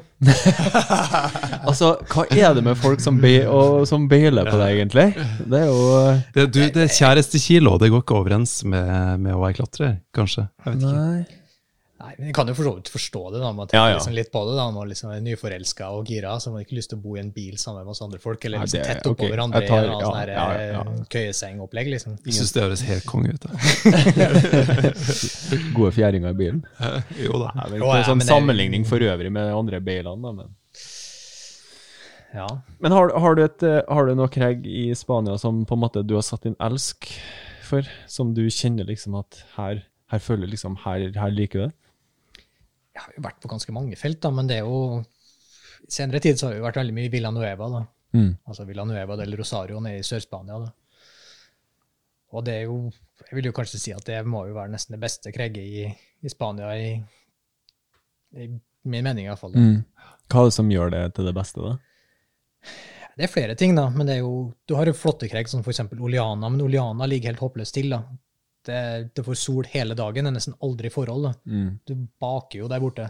Ja, okay. Så selv om kregget i seg sjøl og fjellet er litt stilig, Mm. så får du kanskje én time med klatring, eller du klatrer med hodelykt i mørket. da. Mm. Så det er liksom ganske mye styr da, for å få klatra der. Ja. Og så er det liksom varierende kvalitet på noen deler av fjellet. Det er en veldig høy vegg. Mens i Villanueva så har du helt bombefast fjell, da, mye bedre fjell enn du har i Catalonia. da. Så det er liksom så bra kalkstein som du får, da. Mm. I tillegg til at det ligger i skyggen. da. Mm. Så ligger det ganske luftig og høyt til, da, så du får liksom gjennomtrekk og liksom luft. da. ja, så det blir tørt og gode forhold. Ja, det, det er jo tufa, da. Så det, vi har vært Ja, der på okay. vinteren, og det er på en måte, det er ikke et vinterkregg, egentlig. da. Nei, ok. Da Spanjolene lurer på hva vi der sære norske gjengen gjør oppi der. Eller vikingos, liksom. Som driver og surrer rundt oppi der, da, mens alle andre er inne og trener. da. Elvikinger. Altså, Hvordan er liksom Er det Hvordan kan man gi noen sammenligninger eller noen forskjeller mellom klatrekultur blant spanjoler og nordmenn?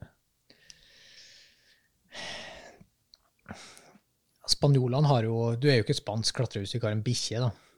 Det Ja, jo det, det den er største skjønt. forskjellen. Ja.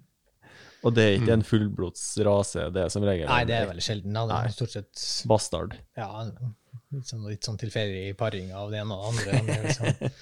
Men det, det hører noe hjemme på, på Kregget, tenker jeg. Det er noe mye rart som parer seg der. Så det, Men, men er, er det mange, mange i, altså i Spania som altså Mange klatrebohemer, eller klatreboms, eller hva du skal kalle det? Ja, det, men igjen da, du har jo et helt annet klima, ikke sant? Å drive og, og bo i bil og leve det livet, det funker jo der nede.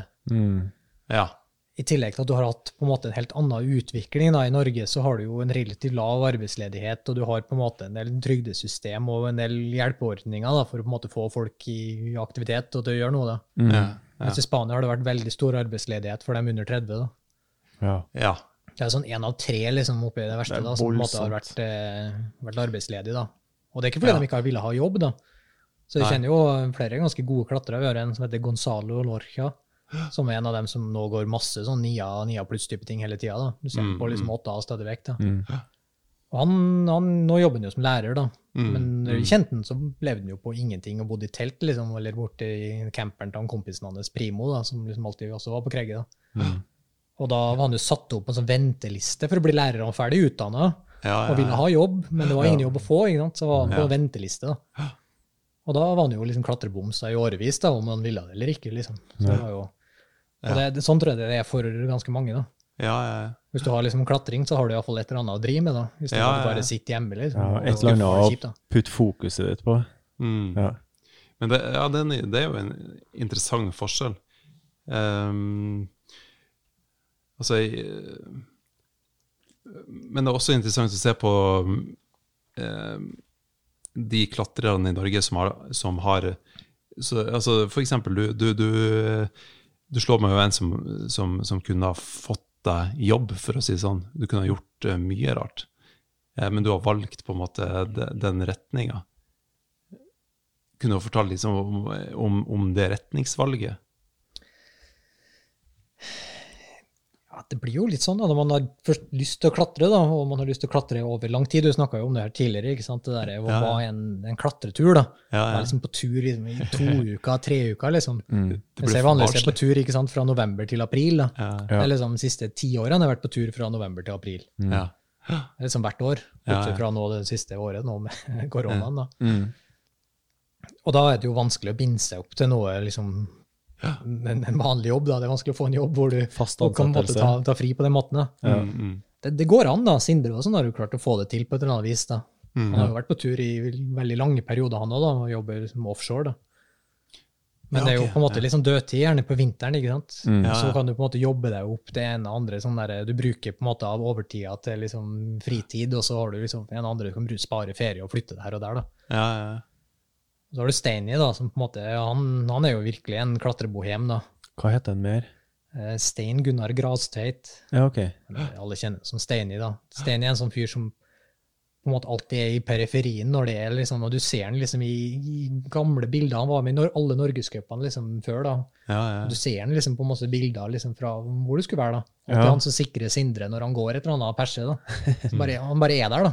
Var han som sikra på Skilambadene? Det var han som sikra på Chilan og og for så vidt også på Novena en Menda tidligere. da. Ja, ok. Men han eh, altså Steini har vært med masse, da. Han var jo ordentlig klatreboms i Spania tida før jeg kom dit. da. Da hadde Ja, okay. han vært der allerede i et par-tre år og, og bodd i bil da, i Margalef. da. Mm. Mm.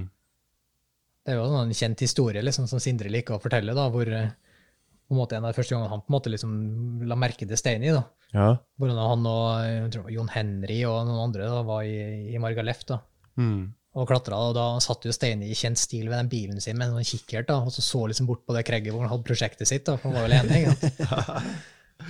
Og så ser han liksom at det går folk bort dit. da, Han ser ikke hvem det er, men jeg bare ser at det går folk dit, så løper han jo bort ikke sant, for å på en måte høre om han kan få, et, oh, ja, få noen til å sikre en til få et støt. da. støt, ja. Ja, ja. Mm. Og Steini hadde jo en sånn der teori ikke sant, om at han hadde ikke pump til å klatre mer enn liksom 25 eller 30 sekunder. og sånn. Det var liksom tima og tilrettelagt ikke sant, nøyaktig på klokka. da. Så han, uavhengig av hvor lang ruta var, da, så sprang han jo opp igjennom ikke sant, innenfor det tidsintervallet sitt. da. Sinnssykt tempo. ikke sant? Sindre han er jo en mekanisk treg klatrer. Han, han beveger seg jo ikke fort. Han, han beveger seg veldig stødig. Stødig er liksom et begrep for Sindre. Og litt sånn male det, eller? Ja, han er jo ja, Han kan sikkert være rask hvis han vil. Ja. Han bare vil ikke. Ja, ok. Eller trenger ikke, alt ettersom. Nei, ja, det er alt jeg du ser det på. Ja, ja. Men, eh, men Steini han, eh, han kunne sett fart, da. Mm. Ja. Og det tror jeg det sikkert gjorde et lite inntrykk på, på Sindre òg. Sikkert aldri sett noen klatre så fort. da. Det var jo liksom før Ondra og sånn ble liksom kjendis. ikke sant? Så bare kommer en fyr som bare sprinter opp en sånn 8C da, bare med sånn kjipe mono og pocketer og bare løp av gårde. da. Så han kom jo der, ikke sant? og så springer opp igjen og tryner helt opp på toppen. da. Og da Jon Henry kikker bort, ikke sant? og så bare det der eh, ukjente fyren, ikke sant? sånn nordmann som liksom driver og støter på en 8C, kan umulig være så hardt. ikke sant? Jon Henry liksom hotshot og gjør det bra i Norgescupen ikke sant? og, ut og, og klatrer ganske hardt. da. Og får jævlig bank på den ruta. ikke sant? ja. Mm. Får ikke det flytta, han var drithardt. da. Mhm. Så, men var det noen som, som liksom kjente han Stein i Norge da? Eller var det ukjent type?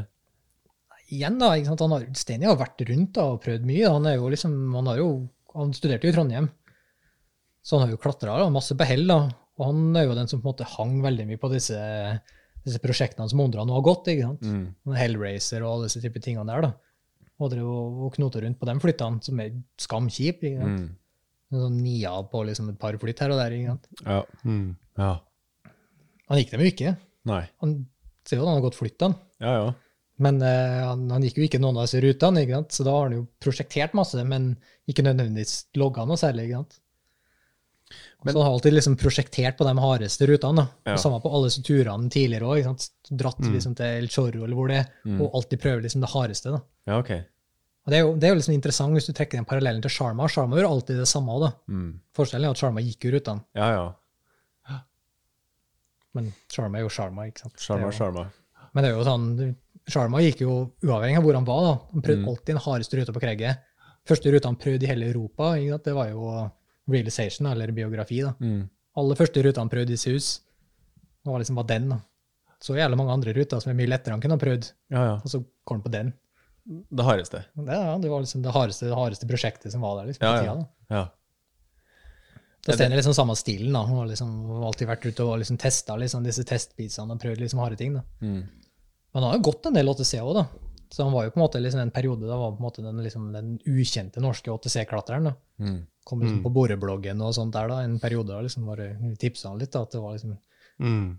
når det, liksom, det, det sto jo feil, ikke sant? At det var liksom en eller annen Hanna eller hvem det var som hadde gått liksom en eller annen 8C. da. Ja. Og så var det sånn der, en fjerde, femte, sjette nordmann som går den graden. da, så bare Stemmer egentlig ikke helt, da. For stemmer, okay. liksom fire stykker, liksom.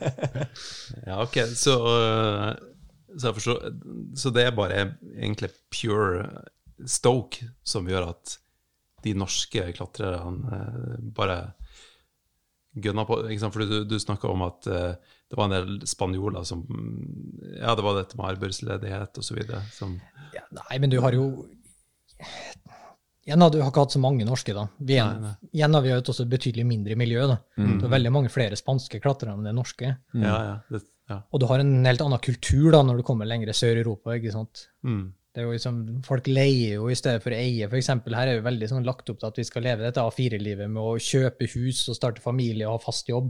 Og det øyeblikket du kjøper hus, så må du ha en jobb ikke sant, for å betjene det lånet, og så er du liksom låst i det, på en måte den der, det løpet. da. Mm. Mm. Men spanjolene har liksom en litt annen livsstil. da. De, de leier jo og er litt mer fri, da, flytter mer rundt og er liksom generelt litt mer der. da. I tillegg til at det er betydelig varmere, så du kan faktisk bo i bil og bo ute. da. Så da, da er det jo en del flere som velger på en måte det. da. Mm. Men så er det, det er en kultur for det i miljøet der, da, på en måte at, at du reiser rundt og bor i bil og gjør det. da. Mm. Sånn som han Primo, for eksempel, da, som vi kjenner til mesteparten av tida bo i en sånn camper. da. Mm. På Kregge, Men han jobber jo egentlig som sykepleier da, i perioder. da. Ja. Så han er jo gjerne liksom ansatt i tre-fire-fem måneder til det, er det han trenger for å kunne leve som klatrer, og så reiser han rundt og klatrer resten av tida. Mm. Og hvor mye trenger man egentlig for å leve som klatrer? Hvis man, er det sånn, For å leve ett år som klatrer i Spania, hvor mye trenger en nordmann å ha spart opp da? Det kommer veldig an på eh, hvor du legger lista. da. Den, Vi, vi, altså, hvis du vil leve ganske billig Hvis du vil være billig, så er jo helt klart Stein i mannen og spør. Han, han satte jo på en måte rekorden. Han, jeg tror han snakka om at han brukte rundt 20 000 da, på, en, på en sesong. da. Altså på en seks måneders tid. da. Fantastisk. Kjempebra. Det, Ja. det, gir jo, det gir litt sånn håp, da. Ja, absolutt. 20 000? Ja, Men da var det ikke sant, han, han parkerte bilen, og så sto han jo der. Ja. Og kjører ikke. Nei, nei, ikke penger bruker på ikke noe bensin, bruker ingenting, og det er liksom leve billig, da. Da skal du ha noen skikkelig jegertips i bakhånd der med hvordan du får med vann og eh, hele pakka der, da. Liksom for det du trenger i det daglige. Ja, det blir jo fort mye sånn boksmat og type ting som holder seg, da. Mm. Mm. Vann det kan du jo alltids fylle opp, da, men det Ja, men det, det, det, er altså, det, det gir liksom det, det, det at det ikke er så mye penger som skal til, det er litt kult å høre. da. Ja. Fordi jeg tror mange tenker sånn ok, man må spare opp kjempemasse penger for å få til dette her. Så kan, kanskje er det sånn at det, det skal ikke så mye til. Jeg tenker det, det er jo det er liksom, Jeg ser veldig stor forskjell på folk nå og før, da. Og nå høres jeg jo plutselig veldig gammel ut, men det er jo eh, Det er du ikke. Men det, Du er 36. ja, men det, det, det, det, er en sånn, det er en forskjell, da. Du merker Ja. det på bare ti år, liksom, på hva, hva komfortnivå folk eh, legger seg på. da. Mm. Det er liksom, når jeg dro på de første turene, ikke sant, og, og Sindre og, og alle liksom dro jo på tur og, og på en måte bodde i jeg bodde i telt og sov ute under åpen himmel og liksom sove på utedo og sove alle mulige rare steder liksom under motorveier og hva det skulle være. da. Bare generelle steder hvor du ikke betaler noen penger. da. Ja. Om det regner eller hva det er, liksom, så bare på en måte finner du et eller annet Det går helt greit, da, og du kanskje uten bil og alt mulig rart. da. Mm. Og da kan du gjøre det veldig billig. da. Mm. Samme hvis du har en bil som fungerer, men ikke koster for mye. Da er det jo på en måte utgangssummen med å kjøpe bilen og eventuelt bygge bilen. Mm. Og så hvis du bor i den, så er det jo mat og drivstoff. da. Mm. Og det er ikke veldig stor utgift. Mat koster jo betydelig mindre i Spania enn det gjør i Norge. Mm. Og vann er jo heller ikke spesielt dyrt, da, selv om du ofte kanskje har lyst til å kjøpe. Du kan jo fylle i diverse fontener og den type ting rundt omkring, men selv om du kjøper det, så er ikke det noen stor utgift. da. Mm. Ja. Nei, det, det er jo veldig gøy å høre på, fordi jeg tror det er ganske mange som uh, hører på her, inklusiv oss to, Marius. Som ikke sant, man, man er stuck i dette her med man, Altså, man har fast, fast jobb, uh, og så har man hus, og så er det et, et sett med for, forpliktelser som binder oss til å være inne i, i det rotteracet, ikke sant. Bølla. Og så er det sånn uh, Så ser man egentlig, egentlig ikke noe vei ut, da. Eh, og det at, det er, um, at kostnaden ikke er så stor som man kanskje eh, forestiller seg, det, det er jo viktig å, å forstå. Ja, ja. No, men kan du trekke liksom, kan, kan man gi noen tips og råd, fordi eh, jeg ser jo nå eh, Vi sier jo månedsskiftet februar-mars her vi sitter og spiller inn.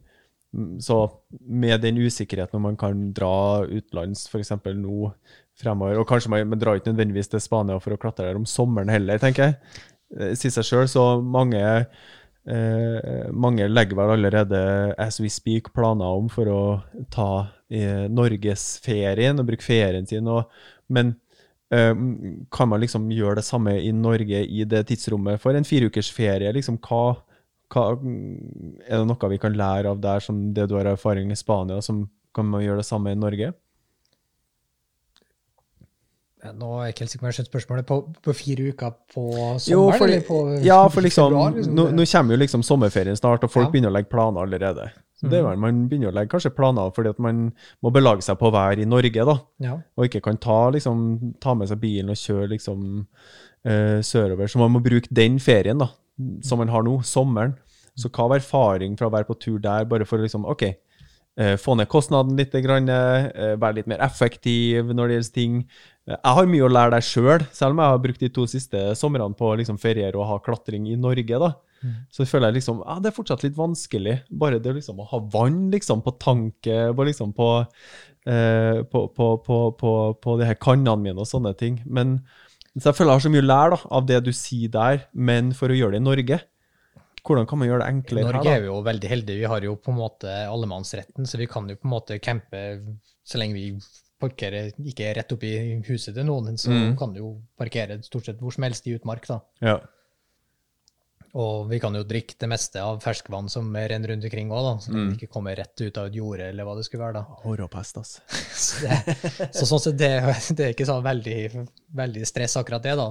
Hvis du bare i stedet for å sjekke inn på hotell eller bo et eller annet dyrt sted, da, på Mm. Airbnb eller hva det skulle være, så bare ta med teltet, da. Teltet, for det er der gjerne kostnaden på Jeg hørte nettopp en episode hvor Bjørn snakka om at han drev og laga jævlig fine telt for lange folk, da. Så, Ja, venter jo på de der teltene der, da, Bjørn. Fy faen. ja. Det blir blir bra.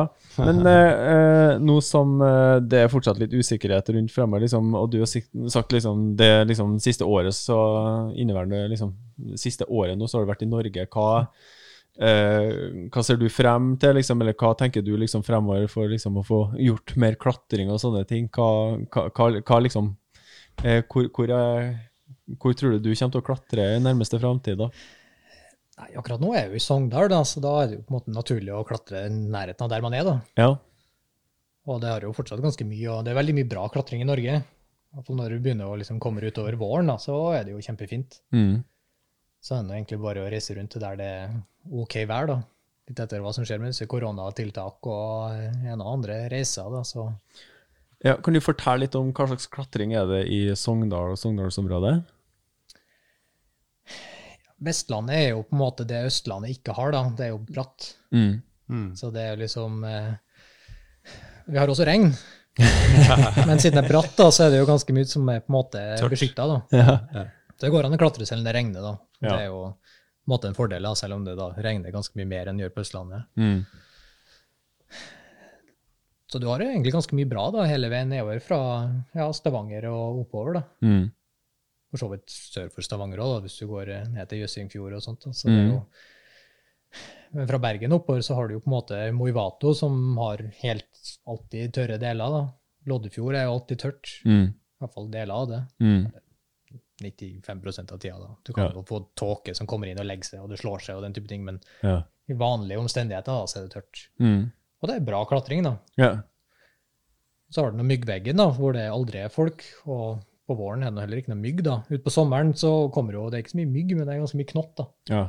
Og den kan være jævlig irriterende. da. Ja, det er kjipt, altså. Så midtsommer så kan myggveggen være en, en hard opplevelse med norsk virkelighet. da. Men, Hvor ligger eh, den hen?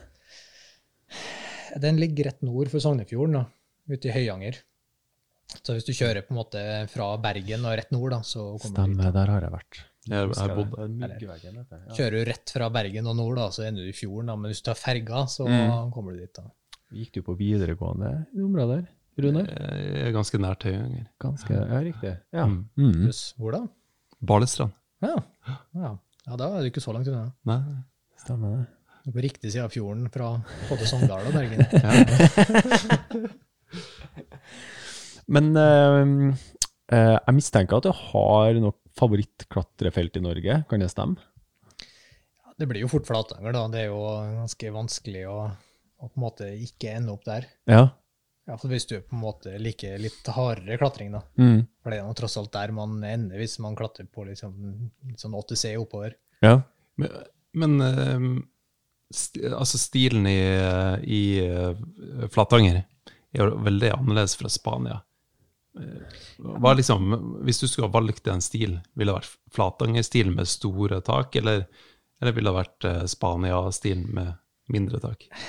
Spania-stilen kan også være med ganske store tak, da, så det, det, det spørs jo veldig på hva du klatrer på. Ja, ok. Ja. Men det vi har klatra på der nede, sånn rundt nede i, i Villanueva, da, på, på Chilam spesielt, så er det jo, det er jo mer eller mindre takoverheng, og du klatrer på tufa, da. Og tufa er jo av natur ofte Det stikker jo et stykke ut, da. Mm. ja, ja. Så en del av dem er ganske store, da. Ja, ja, ja.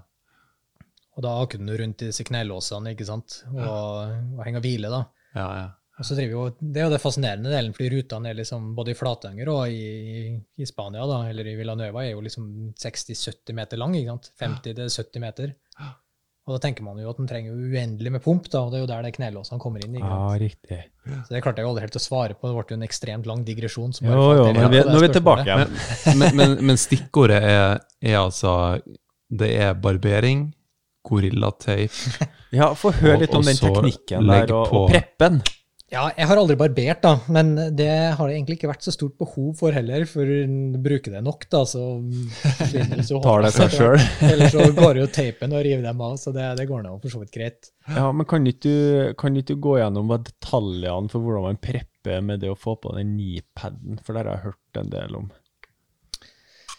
Ja, Du har jo disse nybegynnerne, da. Du har jo flere liksom, nivåer, da. Ja, ok. Ta oss gjennom det. Ja, så, så Eivind har jo på en måte liksom definert liksom hva som er one og two point og så videre, ikke sant? Og ettersom han på en måte har liksom begynt med det her og liksom innsett hva som er next level, da, på et vis. Ja, ja. Så nybegynnernivå er jo hvor du på en måte har en eller annen sånn der glatt bukse, og så tar du på deg sånn der strap-on-greie oppå, og så får du det ikke til å sitte, ikke sant? Så sklir du rundt da og tenker at det er knee-pad-greiene er et helvete. ikke sant? De For det bare sklir med buksa? De sklir bare av, ikke sant? ja, ja. ja. Så det er jo meninga at du skal ha det liksom på huden, da. Mm. Så første er jo på en måte kaste den buksa og ta på deg en shorts. Riktig. Uavhengig av hvor kaldt det er. Glem det. Mm. Ja. Eller hvis du er liksom sånn der stein i ruta, da, så tar du et par stillongs da, når det er kaldt, og så på en måte klipper du opp fremsida i en sånn der knee-pad-form. da. Og så har du på en måte paden under, og så har du stillongs under shortsen. da. Men fortsatt oh, nipaden som kommer ut Ja, av ja, ja. ja riktig. Så Ja. slipper du å fryse baller av dem mens du klatrer i shorts. Altså, med bare- Så det, det er level to. Da har vi, da har Men vi du lager bare en åpning? ja, da har du på en måte den der vinterversjonen av liksom, eh, litt sånn advanced eh, level 2. da. ja, ok. Men hva slags temperatur er det liksom da? Liksom? Litt individuelt, da, men snakker vi sånn fem til Ja, null? Hvis du begynner å gå med stillongs, så tenker jeg da har du bikka under ti, iallfall. da. Ja. Ja. Og jeg, jeg har nå aldri klatra med den stillongsen, men jeg har nå misunt Steini flere ganger. da, Når jeg liksom har stått der og fryst i. Men det, Men det er bare for et øyeblikk. ja. Og så er det jo da også å ha en, en ekstra bukse, da, enten en dunbukse eller en litt sånn mm. joggebukse. eller noe. Så Den ser jo liksom dum ut på kreggen man går i med den joggebuksa, men det har jo gjerne en funksjon. da. Du ser jo Edu Marin og alle disse andre proffene i Spania har også tatt over den joggebuksa. da. For da går det ikke sant, du fryser jo. Ja, Du ja. går med shorts og du har kneepads. Ja. Og så trekker du joggebuksa på når du ikke klatrer, Den over selen og overalt. ikke sant? Ja, Ja, ja, Så er du varm, og så trekker du av det greia når du ikke skal klatre. ikke sant? Så hvis du har nok penger, så kjøper du dyn, dunbukse, da, men ellers så er det jo sånn billig Adidas et eller annet joggebukse. Funker. ikke sant? Funker helt fint. Og så er det jo neste steg er jo på en måte å kaste det strap-on-greiene. Det Strap-on det funker jævlig bra til buldring, fordi du tar dem av og på. ikke sant? Ja, ja. Men skal du liksom virkelig gjøre det ordentlig da, med en iPad, så vil du på en måte ha sokk-patenten. Som ikke er strap, men bare en, en ren sokk. da. Stram? Ikke nødvendigvis jævlig stram, det er ikke så relevant. da, fordi For å få den til å sitte, da, det er da den der ducktapen eller den gorillateipen kommer inn, da, og gjerne noen håndballklister da under. da. Og når du bruker håndballklister, så forsvinner jo de hårene, så du trenger ikke barbere det. ikke sant? Fordi du bare tar på deg klisteret, og så er det jo borte. da. Det er som å vokse, det. Ja, og hvis du bruker det med sånne sendpads eller den type ting, da, så er det jo på en måte Du har jo stoff inni, da. Ja. Og når du da tar på dette klisteret, da, så blir jo det stoffet sittende til foten din. da. Men den sendpaden, er det sokk eller er det strap? Det, det må begge deler. Ja, ok. Og det er, vil du si, det er den beste Jeg har aldri brukt en eh, kommersiell pad, jeg har alltid laga egne, så det kan jeg egentlig ikke si så mye om. Men eh, Ok. det er på en måte den modellen flest tar Beste kommersielle, eller? Det har iallfall vært det, da. Ja, ok. 510 hadde jo et sånn feilslått eksperiment hvor de laga en som var helt ubrukelig, og så Riktig. tror jeg de slutta igjen. Ja. Altfor stor, og den, eh, problemet med en del av dem er at de på en måte får Det kommer på en måte bak knehasen her, da. Så det, Mm. på en måte, du har jo Bevegelsen. Ja, det på en måte hemmer bevegelsen, og det gjør Ja. vondt da når du bøyer leddet. ikke sant? Riktig. Så det vil du jo ikke. Nei. Så du vil helst ikke at den skal være så stram, da. Så du, du fester den på en måte heller med den der eh, klisteret eller bare teipen, da. Mm. Det er ikke ofte. Klister bruker man bare hvis du skal klatre veldig lange utover det er veldig masse knelås. Den type ting. Skal du klatre liksom 50 meter i takoverheng da, hvor det er helt kritisk at den iPaden ikke detter av, så, eller det er varmt f.eks., og du Ja. svetter, da begynner jo ting å gli. ikke sant? Da kan jo teipen også løsne. Mm. Hvis det er kaldt, så er det vanligvis nok å bare teipe. Ja, ok. Men da, da sitter den, da. Men det klistrer mot huden, eller er det mellom teipen og paden? Nei, det er rett på huden, ja, og så tar du liksom paden oppå det. da. Ah. Og så kommer teip i tillegg da, på toppen, da, for å på en måte feste paden til liksom huden. Ah, Ok. Vi lært et par ting her. hemmeligheter, liksom. Ja, ja. Jeg tror det er litt opp og fram for oss, men eh, jeg tror det er nyttig, nyttig info, for å si det sånn. Så begynner jo folk å gjøre mye rart. da. Du så jo han der eh, var han belgier eller nederlender, eller var han som nettopp gikk den der eh, Nia-bulderen i font. Han hadde tatt en bok på nedsida, og så hadde han jo tatt, og, tatt av noe sånn der, laga egen sånn der fancy hæl på klatreskoa si fra noen sånne andre typer klatresko. og hadde gjort masse sånn spesialtilpasninger da, for å klare å gå den bulderen, da, fordi han var liksom kort. da. Men det der konseptet med at han putta en bok innunder for å gjøre foten sin høyere da, for å få den knelåsen til å funke, var sånn spesielt. Men er det juks? Hvis du bare hadde et lengre leggbein, da, altså tibia var lenger, da hadde du nådd. Men han var kort der. Men for å oppnå låsen, så putta han ei bok imellom. Ja, han må jo ja, det, det er fordeler og ulemper med det. da. Han, han fikk jo en lengre lengde på den knelåsen, men da måtte han jo klatre med den jævla boka under den paden.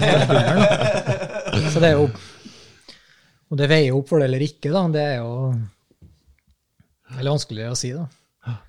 Men han kunne jo stikke av fem pads òg, hvis det var det, liksom. Så jeg vet ikke, det. Det finnes det jo litt regler for, ikke det? Jeg gikk ikke sånn crash-padder, men jeg tenker knee pads. da. Han Å, kunne ja, sånn, ja. tatt den strappa over liksom, Ja, for å sånn, få ja. den samme lengden. da. Riktig. Hvis det var liksom det, eller bare brukt ekstremt tjukk gummi eller et eller annet. Da. Det, Ja, ja. jeg vet ikke, jeg skal ikke være noe moralsk vokter. Nei, nei, altså absolutt men, slik ikke, men det var bare litt interessant å høre, liksom, bare, Ja. bare for å nå Altså, du kan få en knell, og du kan ikke få den. Altså, liksom, hvis du er for lang, da har du et problem. Ja, da får du ikke, da, for du kan ikke gjøre foten kortere. Nei, jeg var ikke. Nei, ikke sant? Jeg var jo på et bulder i Lofoten i sommer eh, sammen med Eivind, Eivind Wang, hvor han bare dro opp mobilen og facetima. Og da sa han liksom ja, prøv å legge en knellås der. Det ble ikke en knellås, det ble vel en sånn er det knee det heter, hvor du bare liksom drar inntil ved sida. Det funka. Jeg gikk, jeg gikk buldre. Nice. Så vi fikk jo proffhjelp rett der, da. Det, så ja. Ja, ja. sier ikke at alle lytterne skal liksom facetime med Henning, da, bare for å få Ja, det var ganske slitsomt. Da. ja, det tror jeg. Så får vi fått en eller annen sånn her betalingsmur.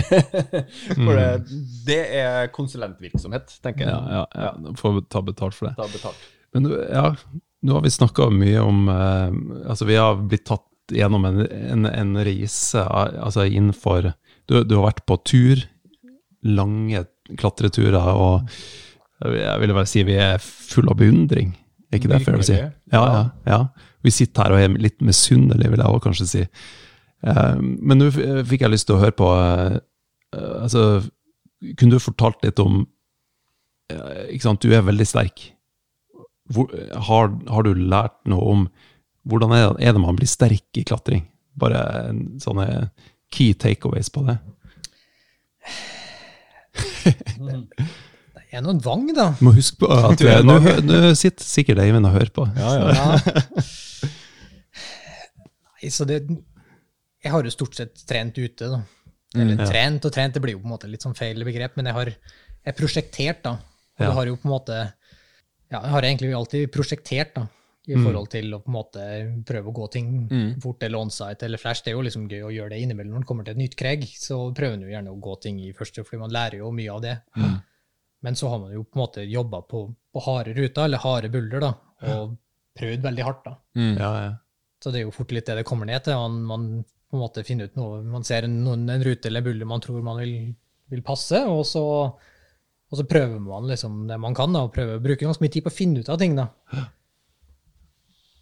Og det er jo på en måte litt en, eh, en Jeg tenker det er jo en del av sjarmen med, med klatring. Det er jo kanskje den delen jeg liker best. er jo det er jo faktisk å finne ut av noe, Mm, mm. og bruke liksom den tida på å finne sin egen beta og en egen løsning. da.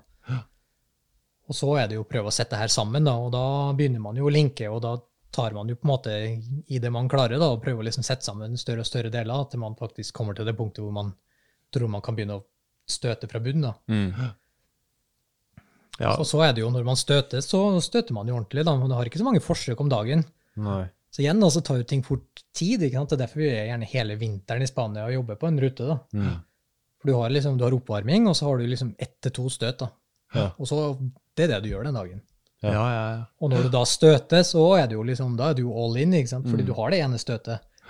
Så da prøver du jo alt du makter, da, og tar deg jo helt ned i kjelleren, og så er du oppe der og henger disse knelåsene eller hvilene da, og er liksom ordentlig syre og, og liksom hente det helt inn igjen, og så er det liksom nytt bulder, og så er det å ta i alt du klarer, og så detter du gjerne da. Mm. Så er det en sjelden gang så kanskje du kommer opp, da, men mesteparten av tida faller du jo av, da. Så, Og så repeterer du den prosessen da, om igjen og om igjen. Da, og det, det går nok mer effektivt for å trene styrke hvis du trener inne. Det er jo en liten tvil om, da, men jeg tenker motivasjonen du har når du på en måte klatrer på ekte stein, da, på noe du liksom virkelig er gira på, da, mm. Da er det lettere å på en måte prestere opp imot maks. da. Ja, ikke sant, fordi å trene inne handler jo veldig mye om å, for å prestere, for en del i hvert fall, meg inkludert, og derunder, det handler jo om for å prestere ute. Mm. Så, men du tar jo is og remmer tøyler helt fordi du prosjekterer på harde ting. Ja, fordi man, all, man Ja. trener jo på en måte på ruta man skal gå, i stedet for å trene inne for å så gå ut og prøve å gå ruta fort. Ja, ja, ja. riktig. Det, det, det, det er kult. For, ikke sant? For du, du er faktisk ute Du bor ute ved cragget, og da er det mest effektive måten å trene på det du skal gå, er Ja. å faktisk gå det er jo, det, det er jo på en måte Sharma-metoden. ikke sant? Det er det Sharma ja. alltid har gjort. Ja. Han begynte jo å klatre innan han òg, men han har jo på en måte, etter han på en måte ble proff, da, så har han jo reist rundt og bare klatra ute. Ja. Han trener jo nesten aldri inne. Nei. Det er først nå når han har fått masse kids og liksom sånn, at han faktisk har begynt å trene litt inne. da. ja, ja. Men han er jo en, en desidert en uteklatrer. da. Men hvis du får, får to harde støt per dag f- altså, Da er du fornøyd. er- ja, er- Vanligvis er det ett. Så det, det er nok?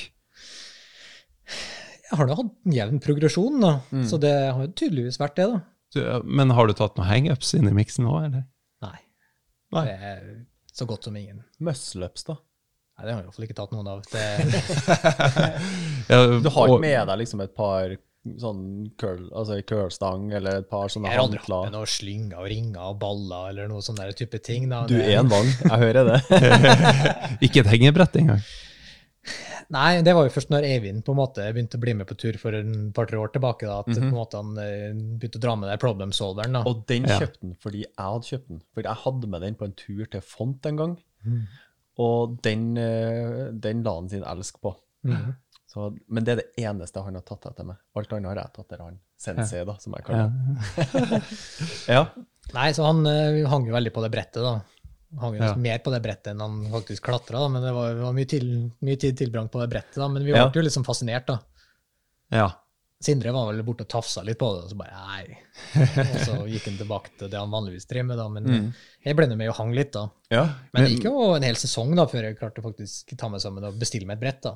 Ja. Men, men det, er jo, det er jo et slags uh, lærdom i det her. Altså, man kan faktisk gå 9A uten å eh, henge altfor mye på, på diverse På inne, da, på treningssystemer. plast og på Ja, på for du, du har gått 9A med, med den approachen her. Mm. Hva slags rute er det? Det er en som heter Chilam malenum, da, som på en måte er en variant av Chilam balam. da. Mm. For som sagt da, så er jo Chilambalam det er jo en, det er en stor travers da, å traversere en hel hule, da, Mm. som er jo noen og 80 meter, da, den ruta. Mm.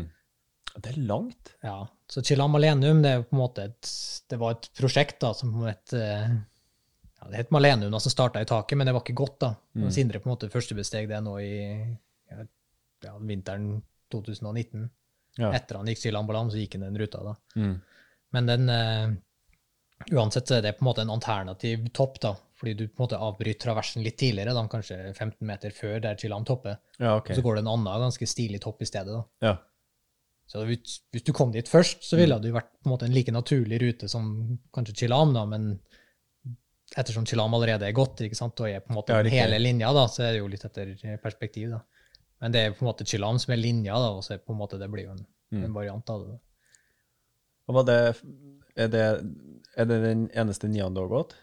Ja. Ja, ok. Og Hva, hva er følelsen egentlig når du har, går den, når du klipper liksom ankeret på det? Hva, hvordan føles det å få det altså liksom, For det er hardt, og det er ikke så mange som går det.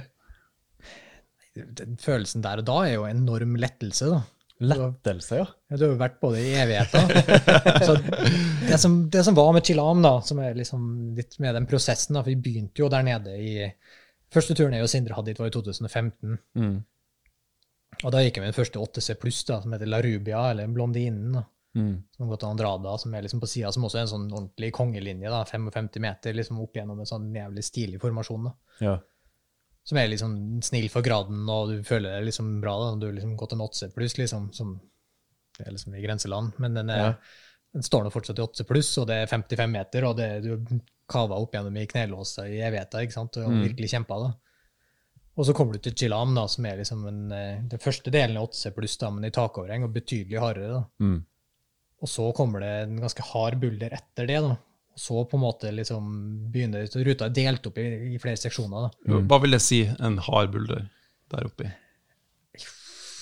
Det blir jo igjen da litt sånn personlig, men jeg, for min del så tenker jeg den bulderen er sånn 7C. da. Mm. ja, ok. Mm. 7 pluss 7C cirka. Ja. Det er ganske god hvil før, da, men det er på ingen måte sånn Det er ikke noe hylle, da. Nei, nei. Så du Det- har liksom noen, noen halvjøgs, og så står du i sånne knelåser i, på, på smør, da, hvor du liksom står og, og hviler. Men alt er jo knelåser. Det er liksom 70 meter med, med knelås. ikke sant? Så det er liksom, det er greit nok at hver knelås er ganske god, Ja, ja. men når du skal gjøre mange nok av dem, så blir du jævlig pumpa i beina og magen og alle mulige rare ting. Mm. ikke sant? Så det, Mm. det er liksom sammensatt av hvor du vil hvile, og hvor du ikke vil hvile. og det er sånt da. Mm. Mm. Men de har jo delt opp liksom Chilam, det er jo på en måte Andrada og Edu satte vel liksom en, på en måte som tre tøylengder, egentlig. da. Du går det jo i ett, Mm. men det er jo på en måte det tredelt. da. Du har på en måte den, den første delen da, som er 8C pluss, og så har du en sånn 8B pluss-del da, som jeg tenker kanskje er hardere. da. Og så kommer det igjen en sånn 8C i toppen. da. Mm. Mens på den der Malenumen da, så går det den der krukset på den 8B pluss-delen, og så går det en 8A pluss oppå det. da. Ja, ok. Så det er en del lettere enn å gå Chilam Balam. Ja, ok. Ja. Men samtidig fortsatt ganske kjipt. da. Du Du går fortsatt den 8C plussen først, ikke sant? Så Mm. Ja, ja, skal du på en måte legge til en, en ny 8C, 8C pluss oppå det. da. Ja. Hvor lang tid var det fra det første gang du prøvde på den Malenum til du gikk hen? da? Ja, det var ikke gjort på en dag, for å si det sånn. Nei, det tror jeg på. Vi begynte vel Sindre begynte vel å prøve på det i, på den turen vi, vi var tilbake, da. Så Vi var der i 2015, og da prøvde vi ikke på det. Mm. Det var da Andrada og Edu gikk det, da, så vi sto og så på når, når eh, Andrada og sånn, når de gikk det. da. Mm. Som for så vidt var stilig, da. Så Andrada toppe ut der. Han var 40 år liksom, på det tidspunktet, og så liksom kom seg opp der. da. Ja. Og den ruta er jo helt episk når du står under og kikker. Det er så latterlig langt. da. Mm. Mm. Du tenker liksom, Det skal du aldri opp i. liksom. Det ser jo ut som tidenes mareritt. liksom. Klatre Ja. rundt der i en og en halv time liksom, i et takoverheng liksom, og, og kjempe for et kruks på toppen. da. Og hvor lang tid tar det å klatre fra du liksom Du Føttene forlater bakken til du klipper ankeret. Hva tror du er tid det tar å klatre? Iallfall en time. En time? Ja, Så du er i veggen ganske lenge. Shit. Så du trenger bare ett støt. da. Det er ganske bra treningsøkt. Det er en voldsom treningsøkt for mye av hele kroppen. Ja, ja. Det er ganske det er ordentlig sånn kroppsøkt. da. Det er jo, du henger jo ikke å krimpe hele veien, du henger jo stort sett i knelås. da. Ja, ja. Det er veldig lite av tida som faktisk blir brukt på å klatre. Er veldig Sånn mye tid brukt på å hvile. da. Leggene får mest trening. Ja, det går på mye på mage og Ja, ja. den andre, da. Så Ja, siden du er såpass- Den andre måten, men det Men var det i 16 det var første gang du prøvde den? Nei, 17, da, da var vi tilbake igjen, men da 17, prøvde jeg heller ikke, da. Nei, Sindre okay. begynte vel å prøve da, og jeg kikka, jeg sto og sikra, men eh, Mm. jeg prøvde liksom alt mulig annet, og liksom kikka på det, fordi den Chilam har et jævlig hardt bulder i starten, sånn type ved tredje bolt, da, som liksom skulle være sjuse pluss eller noe sånt, da. Ja. Det er nok litt lettere enn det, da, men det, det så nå ganske kjipt ut, da. Mm.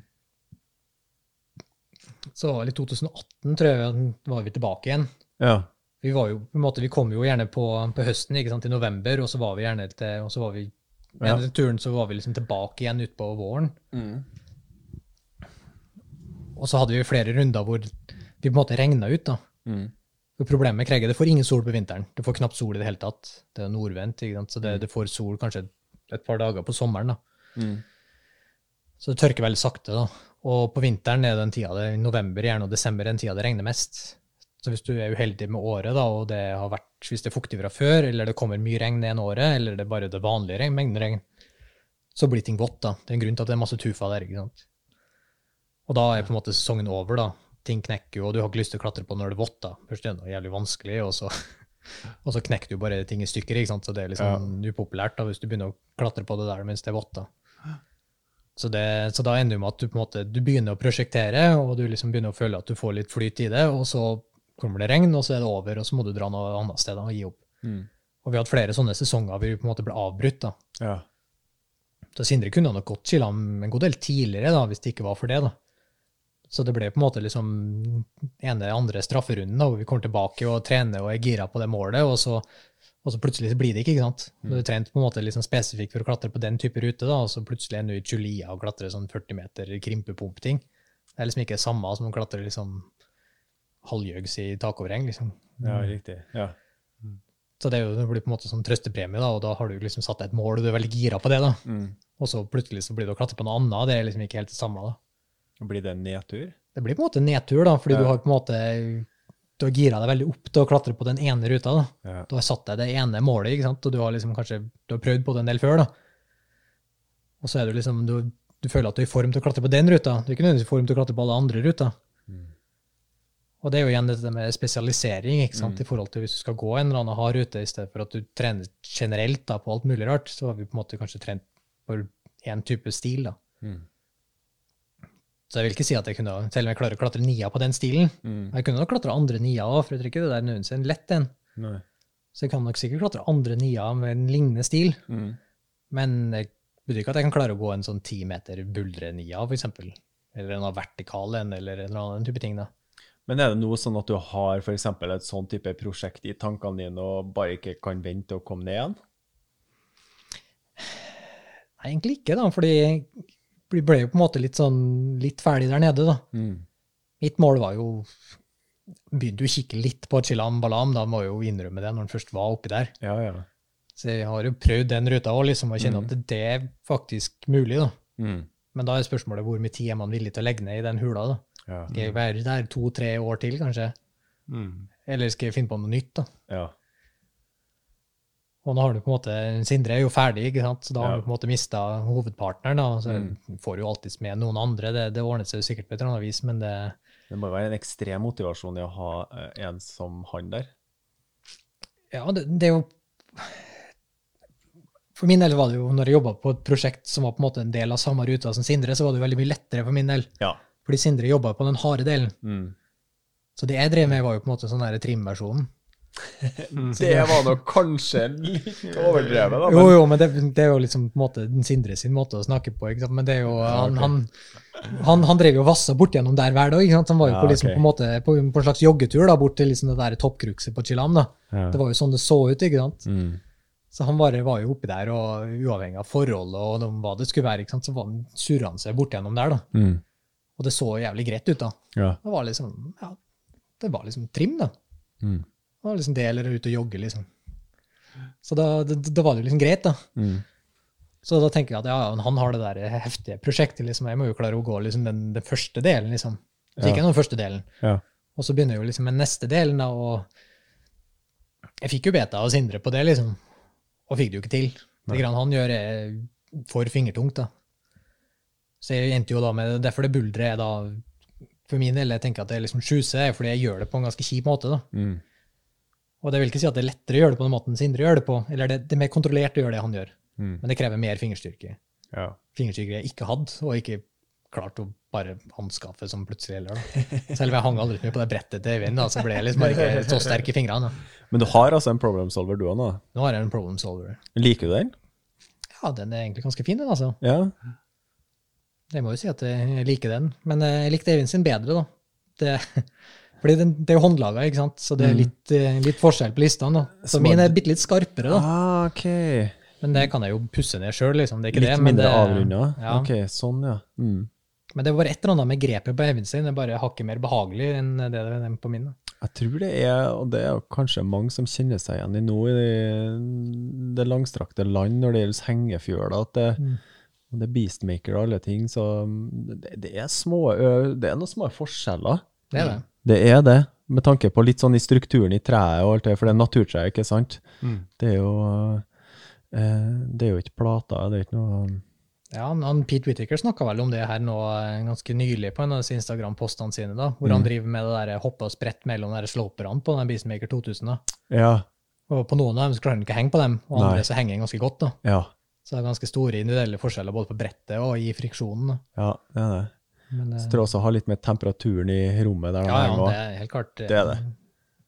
Men jeg tror han mente at det var en forskjell på selve bretta nå, da. Ja, det det. bare liksom den andre friksjonen. I løpet av vinteren har jeg testa i hvert fall tre forskjellige av de her eh, sånn 10 millimeter på Beastmaker 1000, og det er forskjeller. Mm. Det er helt klart det. Ja, ja. Så temperatur, struktur, og bare i seg sjøl at det, det er noen individuelle forskjeller på, på en måte skarpheten og hvordan de er laga til.